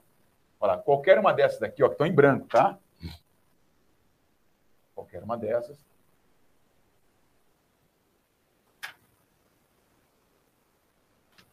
Mais mais, mais o quê? Os pressupostos. É isso que nós veremos agora. Então, quais são os pressupostos para decretar a prisão preventiva? Vamos dar uma olhada aí, ó. 312. Esse, esse é o artigo nevrálgico da prisão preventiva. Esse é o nevrálgico. A prisão preventiva, ela poderá ser decretada como garantia da ordem pública, da ordem econômica, conveniência da instrução criminal, para assegurar a aplicação da lei penal, ou quando houver, aí agora, ó, ou não, desculpa, quando, somado, é, quando houver prova do crime, indício suficiente de autoria e perigo gerado pelo estado de liberdade do imputado. Perigo gerado pelo estado de liberdade do imputado. Então, quais são os pressupostos? Prova, olha lá, prova. Comecinho, ó, viu o 312, ó. Prova da existência do crime. Prova do crime. O crime aconteceu, está provado. Mais, mais. Não precisa ter prova da, do, do, da, da participação daquele cara. Indícios, indícios suficientes de autoria, tem indício suficiente para ele praticar. Então, prova do crime, mais indício suficiente de autoria, mais, olha a parte está sublinhada na sua apostila, recente modificação da, do pacote anticrime, mais o quê? Perigo gerado pelo estado de liberdade do imputado.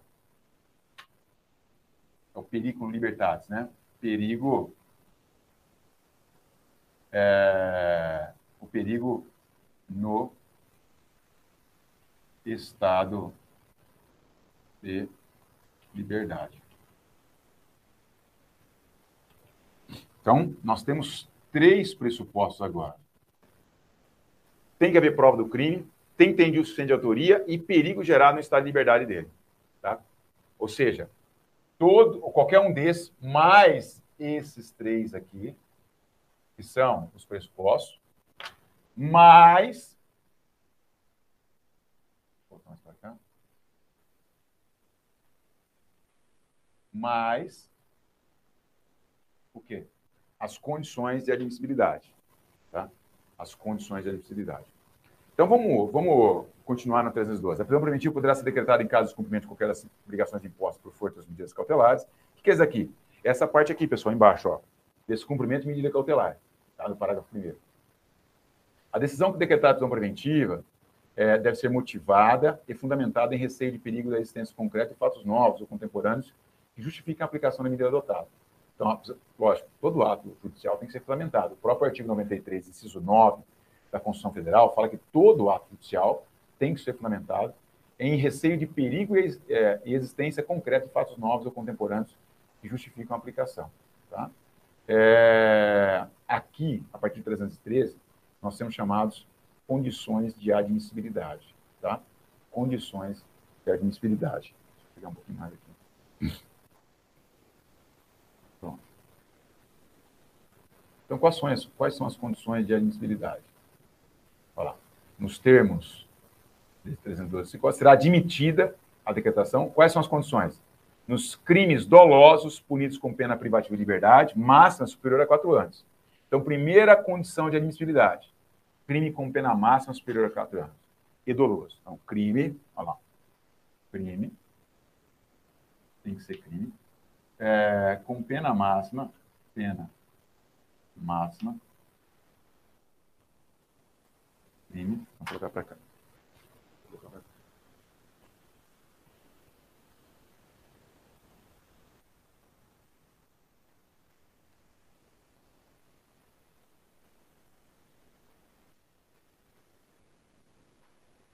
pena máxima, superior, ó, a quê?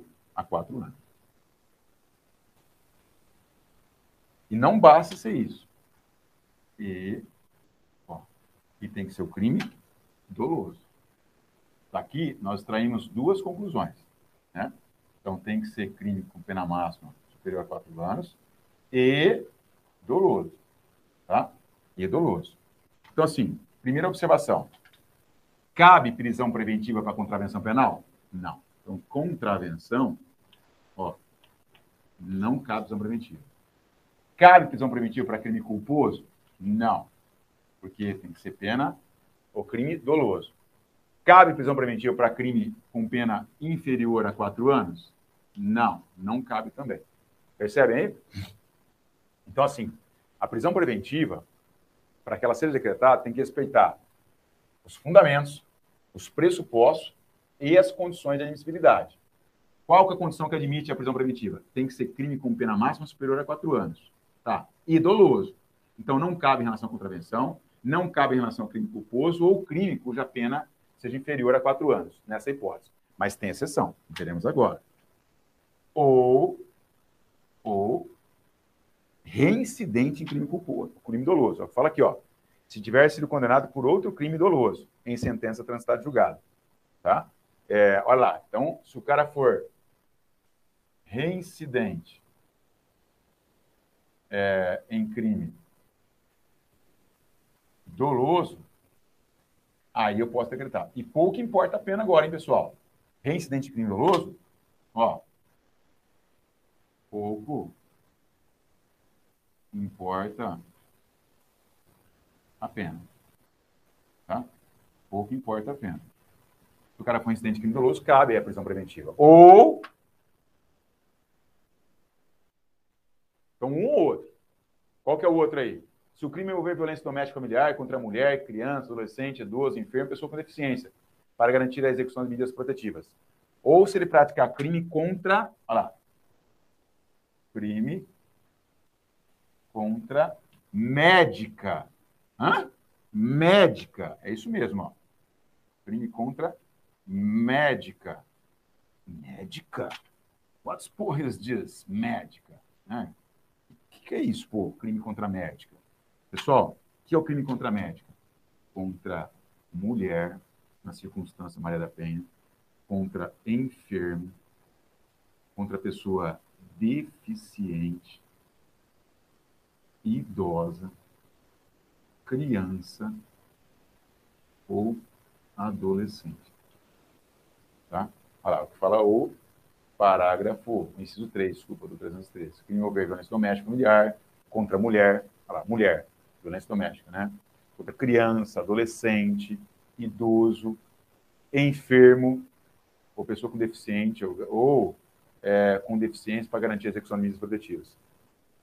Então, médica, mulher, desculpa, mulher, enfermo, deficiente, idosa, criança, adolescente. Olha só que mnemônica legal.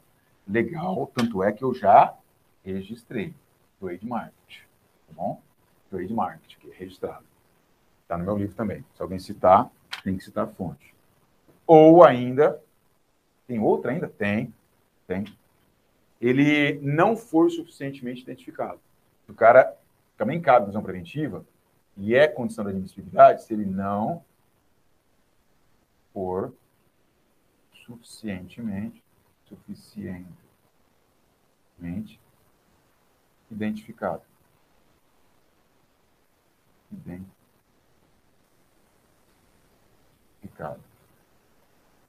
É o que fala aí, ó. Lá embaixo. Lá embaixo, ó. Também será admitida a prisão preventiva quando houver, houver dúvida sobre a identidade do cara ou não fornecer é, elementos suficientes para esclarecê-la. Vamos colocar as palavras melhor. Vamos colocar a palavra, a palavra é, é, da lei? Bom, acho que melhor, né? Dúvida, houver dúvida quanto à identidade,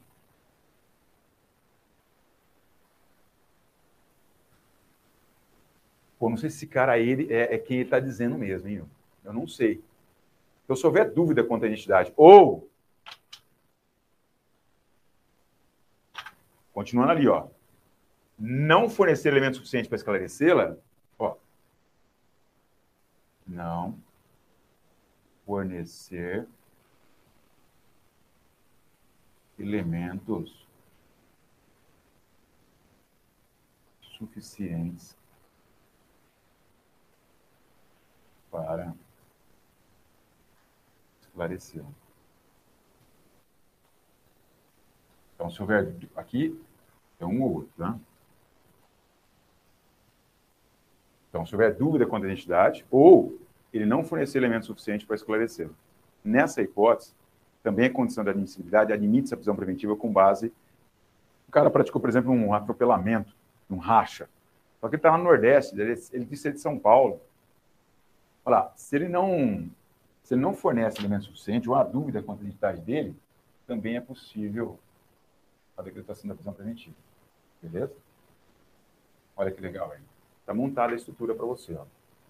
Juro para você, qualquer questão que cai em prisão preventiva, de juiz até, até cabo, porque soldado não cai essa matéria. Com essa lousa você consegue matar. Tá? Essa lousa, modéstia à parte, né? não querendo rasgar cedo, em concreto, pelo amor de Deus. mas ela está bem estruturada por conta das informações que ali estão constantes. Só que assim, nós estamos falando aqui da prisão preventiva no âmbito comum. Eu não falei do âmbito militar ainda. Então, é, aqui fala, só finalizando, né? O parágrafo segundo. Não será admitida a decretação da prisão preventiva com a finalidade de antecipação ou cumprimento de pena, ou como decorrência imediata de investigação criminal ou apresentação de recebimento de denúncia. Tá? É, a prisão preventiva, em, em, nenhum caso, será decretada se verificar pelas provas constantes nos autos que o agente praticou o ato amparado por esse grande instituto. Então, é... então assim, ó, vamos colocar uma hipótese aqui, ó, inadmissibilidade. Inadmissibilidade. Quando não, não são admitidos a prisão preventiva? Em que hipótese? Ah, que hipóteses não são admitidas? A hipótese, vamos pegar, na, na, seguir na ordem mesmo, né? Ó, pega aqui, ó, parágrafo segundo. Ah, desculpa, você não está visualizando. Desculpa, pessoal. Eu achando que você está visualizando. Vamos lá comigo aqui, ó. Pega aí o artigo 313, né, no parágrafo segundo, tá? para que não será admitida a declaração de prejuízo com a finalidade de antecipação do documento de pena. Então, quando não é admitida? Com a finalidade de antecipar a pena, antecipar pena, não é admitida. Não é admitida também quando? Com a finalidade do quê? Olha lá, continuando. É, ou como decorrência de imediata investigação criminal ou recebendo a denúncia. Não posso decretar prisão preventiva pelo mero fato de recebido a denúncia ou pela instalação de investigação criminal. Vou botar aqui uma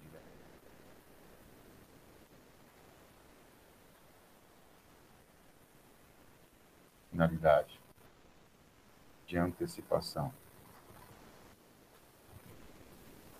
da pena.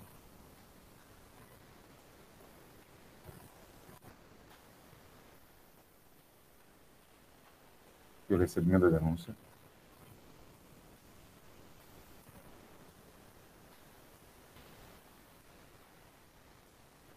Ou pela instalação de investigação, que acabei pulando uma, né?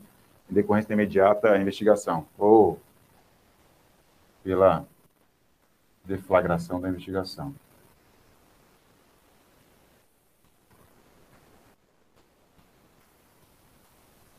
Mais alguma que não é admitida? A prisão preventiva? Sim quando ele praticou o fato, é, nas hipóteses,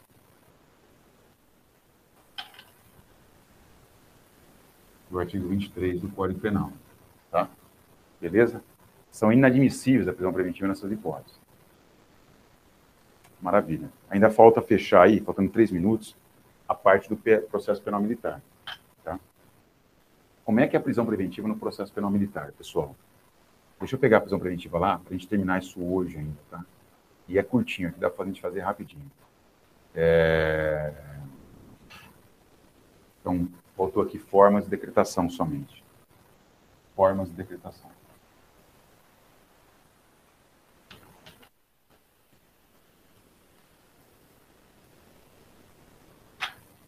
Então, como que é a prisão preventiva no Código de Processo Penal Militar?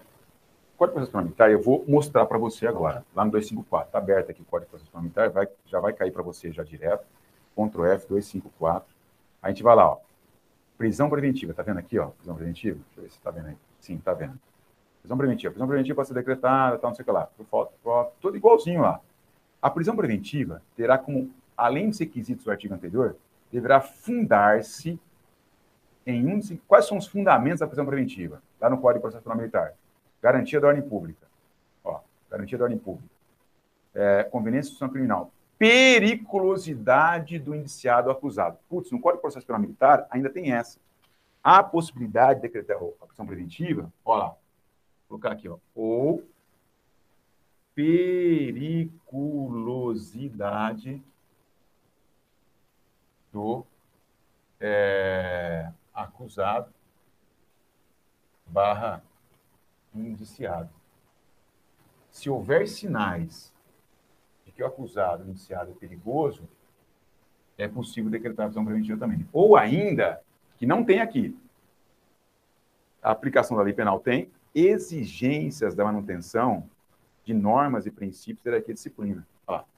Quando for, lá, exigências para manutenção, manutenção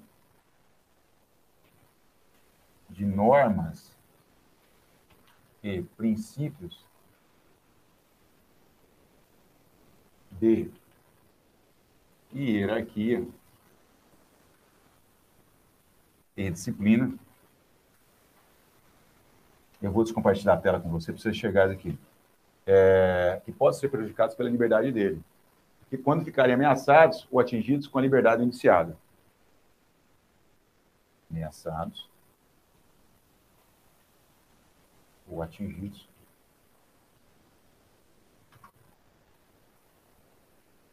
pela liberdade. Então, aqui, ó, o que está em verde aqui, lembra de verde exército, lembra de verde militar. É que tem só no Código de Processo Penal Militar, tá bom? Então, o que, que nós temos no Código de Processo Penal Militar que não temos aqui? Como é que é a prisão preventiva no Código de Processo Penal Militar? Deixa eu descompartilhar aqui com você, para você olhar para a luz agora, para a gente finalizar a aula, que vai faltar um minuto só e vai dar tempo certinho, tá? Como é que é a prisão preventiva no Código de Processo Penal Militar? É assim, ó. No Código de Processo Penal Militar, é igualzinho a prisão preventiva como está aqui. Só que ela está lá no 254, tá? 254 e seguintes do CTPM, tá? CTPM. Olha, o que, que, tem lá? A mesma coisa que tem aqui. Ela bateu o sinal, mas vamos lá, vamos terminar isso aqui, ó. Agora é só preciso riscar. Como é que é a prisão preventiva no Código de Processo Penal Militar? Tem garantia de ordem pública? Tem. Ordem econômica não tem. Aplicação da lei penal? Tem lá. Conveniência de instrução criminal? Também tem. Descumprimento de medida cautelar? Não tem. Então, os fundamentos lá são garantia da ordem pública, aplicação da lei penal, conveniência da instrução criminal, periculosidade do indiciado ou acusado e manutenção é, das normas e princípios da hierarquia e disciplina que podem ser prejudicados caso haja liberdade do cara. Tá? Quais são os pressupostos no Código de Processo Penal? Prova do crime e indícios de autoria. Ó, prova aqui e indício. Tem, aqui tem. Só que não tem o perigo é, no estado de liberdade dele. E a tal da periculosidade aqui, ó. Para mim está lá. Tá? É, condições de admissibilidade. Não tem nada disso, pessoal. Lá não tem nada disso. Ó. No Código de Processo Penal Militar não tem nada disso. Tá? Então, no Código de Processo Penal Militar, para decretar a prisão preventiva, que eu preciso? Um fundamento e os pressupostos. Beleza? Eu sei que essa aula é bem complexa. Eu vou tirar foto dessa lousa. Na aula que vem, eu venho, eu sigo a lousa aqui na tela, que você dá para exibir, porque você observa o que eu estou observando aqui. E nós revisamos isso, tá bom? Eu volto é, com essa tela revisando isso. E aí, por aqui, a gente fecha a prisão preventiva.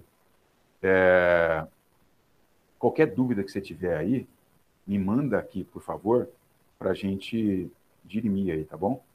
Me manda aqui. É, vou tirar uma foto aqui. Tá?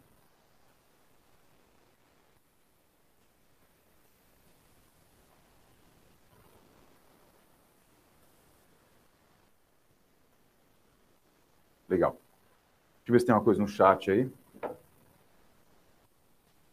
Estou sem áudio, não. Fechou, então. Eu agradeço a todos aí. Fiquem com Deus. Uma ótima semana e final de semana para vocês, tá? Nos vemos na quarta-feira que vem, se não me engano. É, ou antes, se tiver aula. Vou soltar o horário ainda, não, não fiz o horário, né? É quarta-feira mesmo, porque terça tem feriado, segunda tem aula de matemática, se não me engano, de, de português, se não me engano. Aí quarta-feira nós nos vemos novamente, tá bom? Obrigado, fiquem com Deus. Até a próxima, pessoal.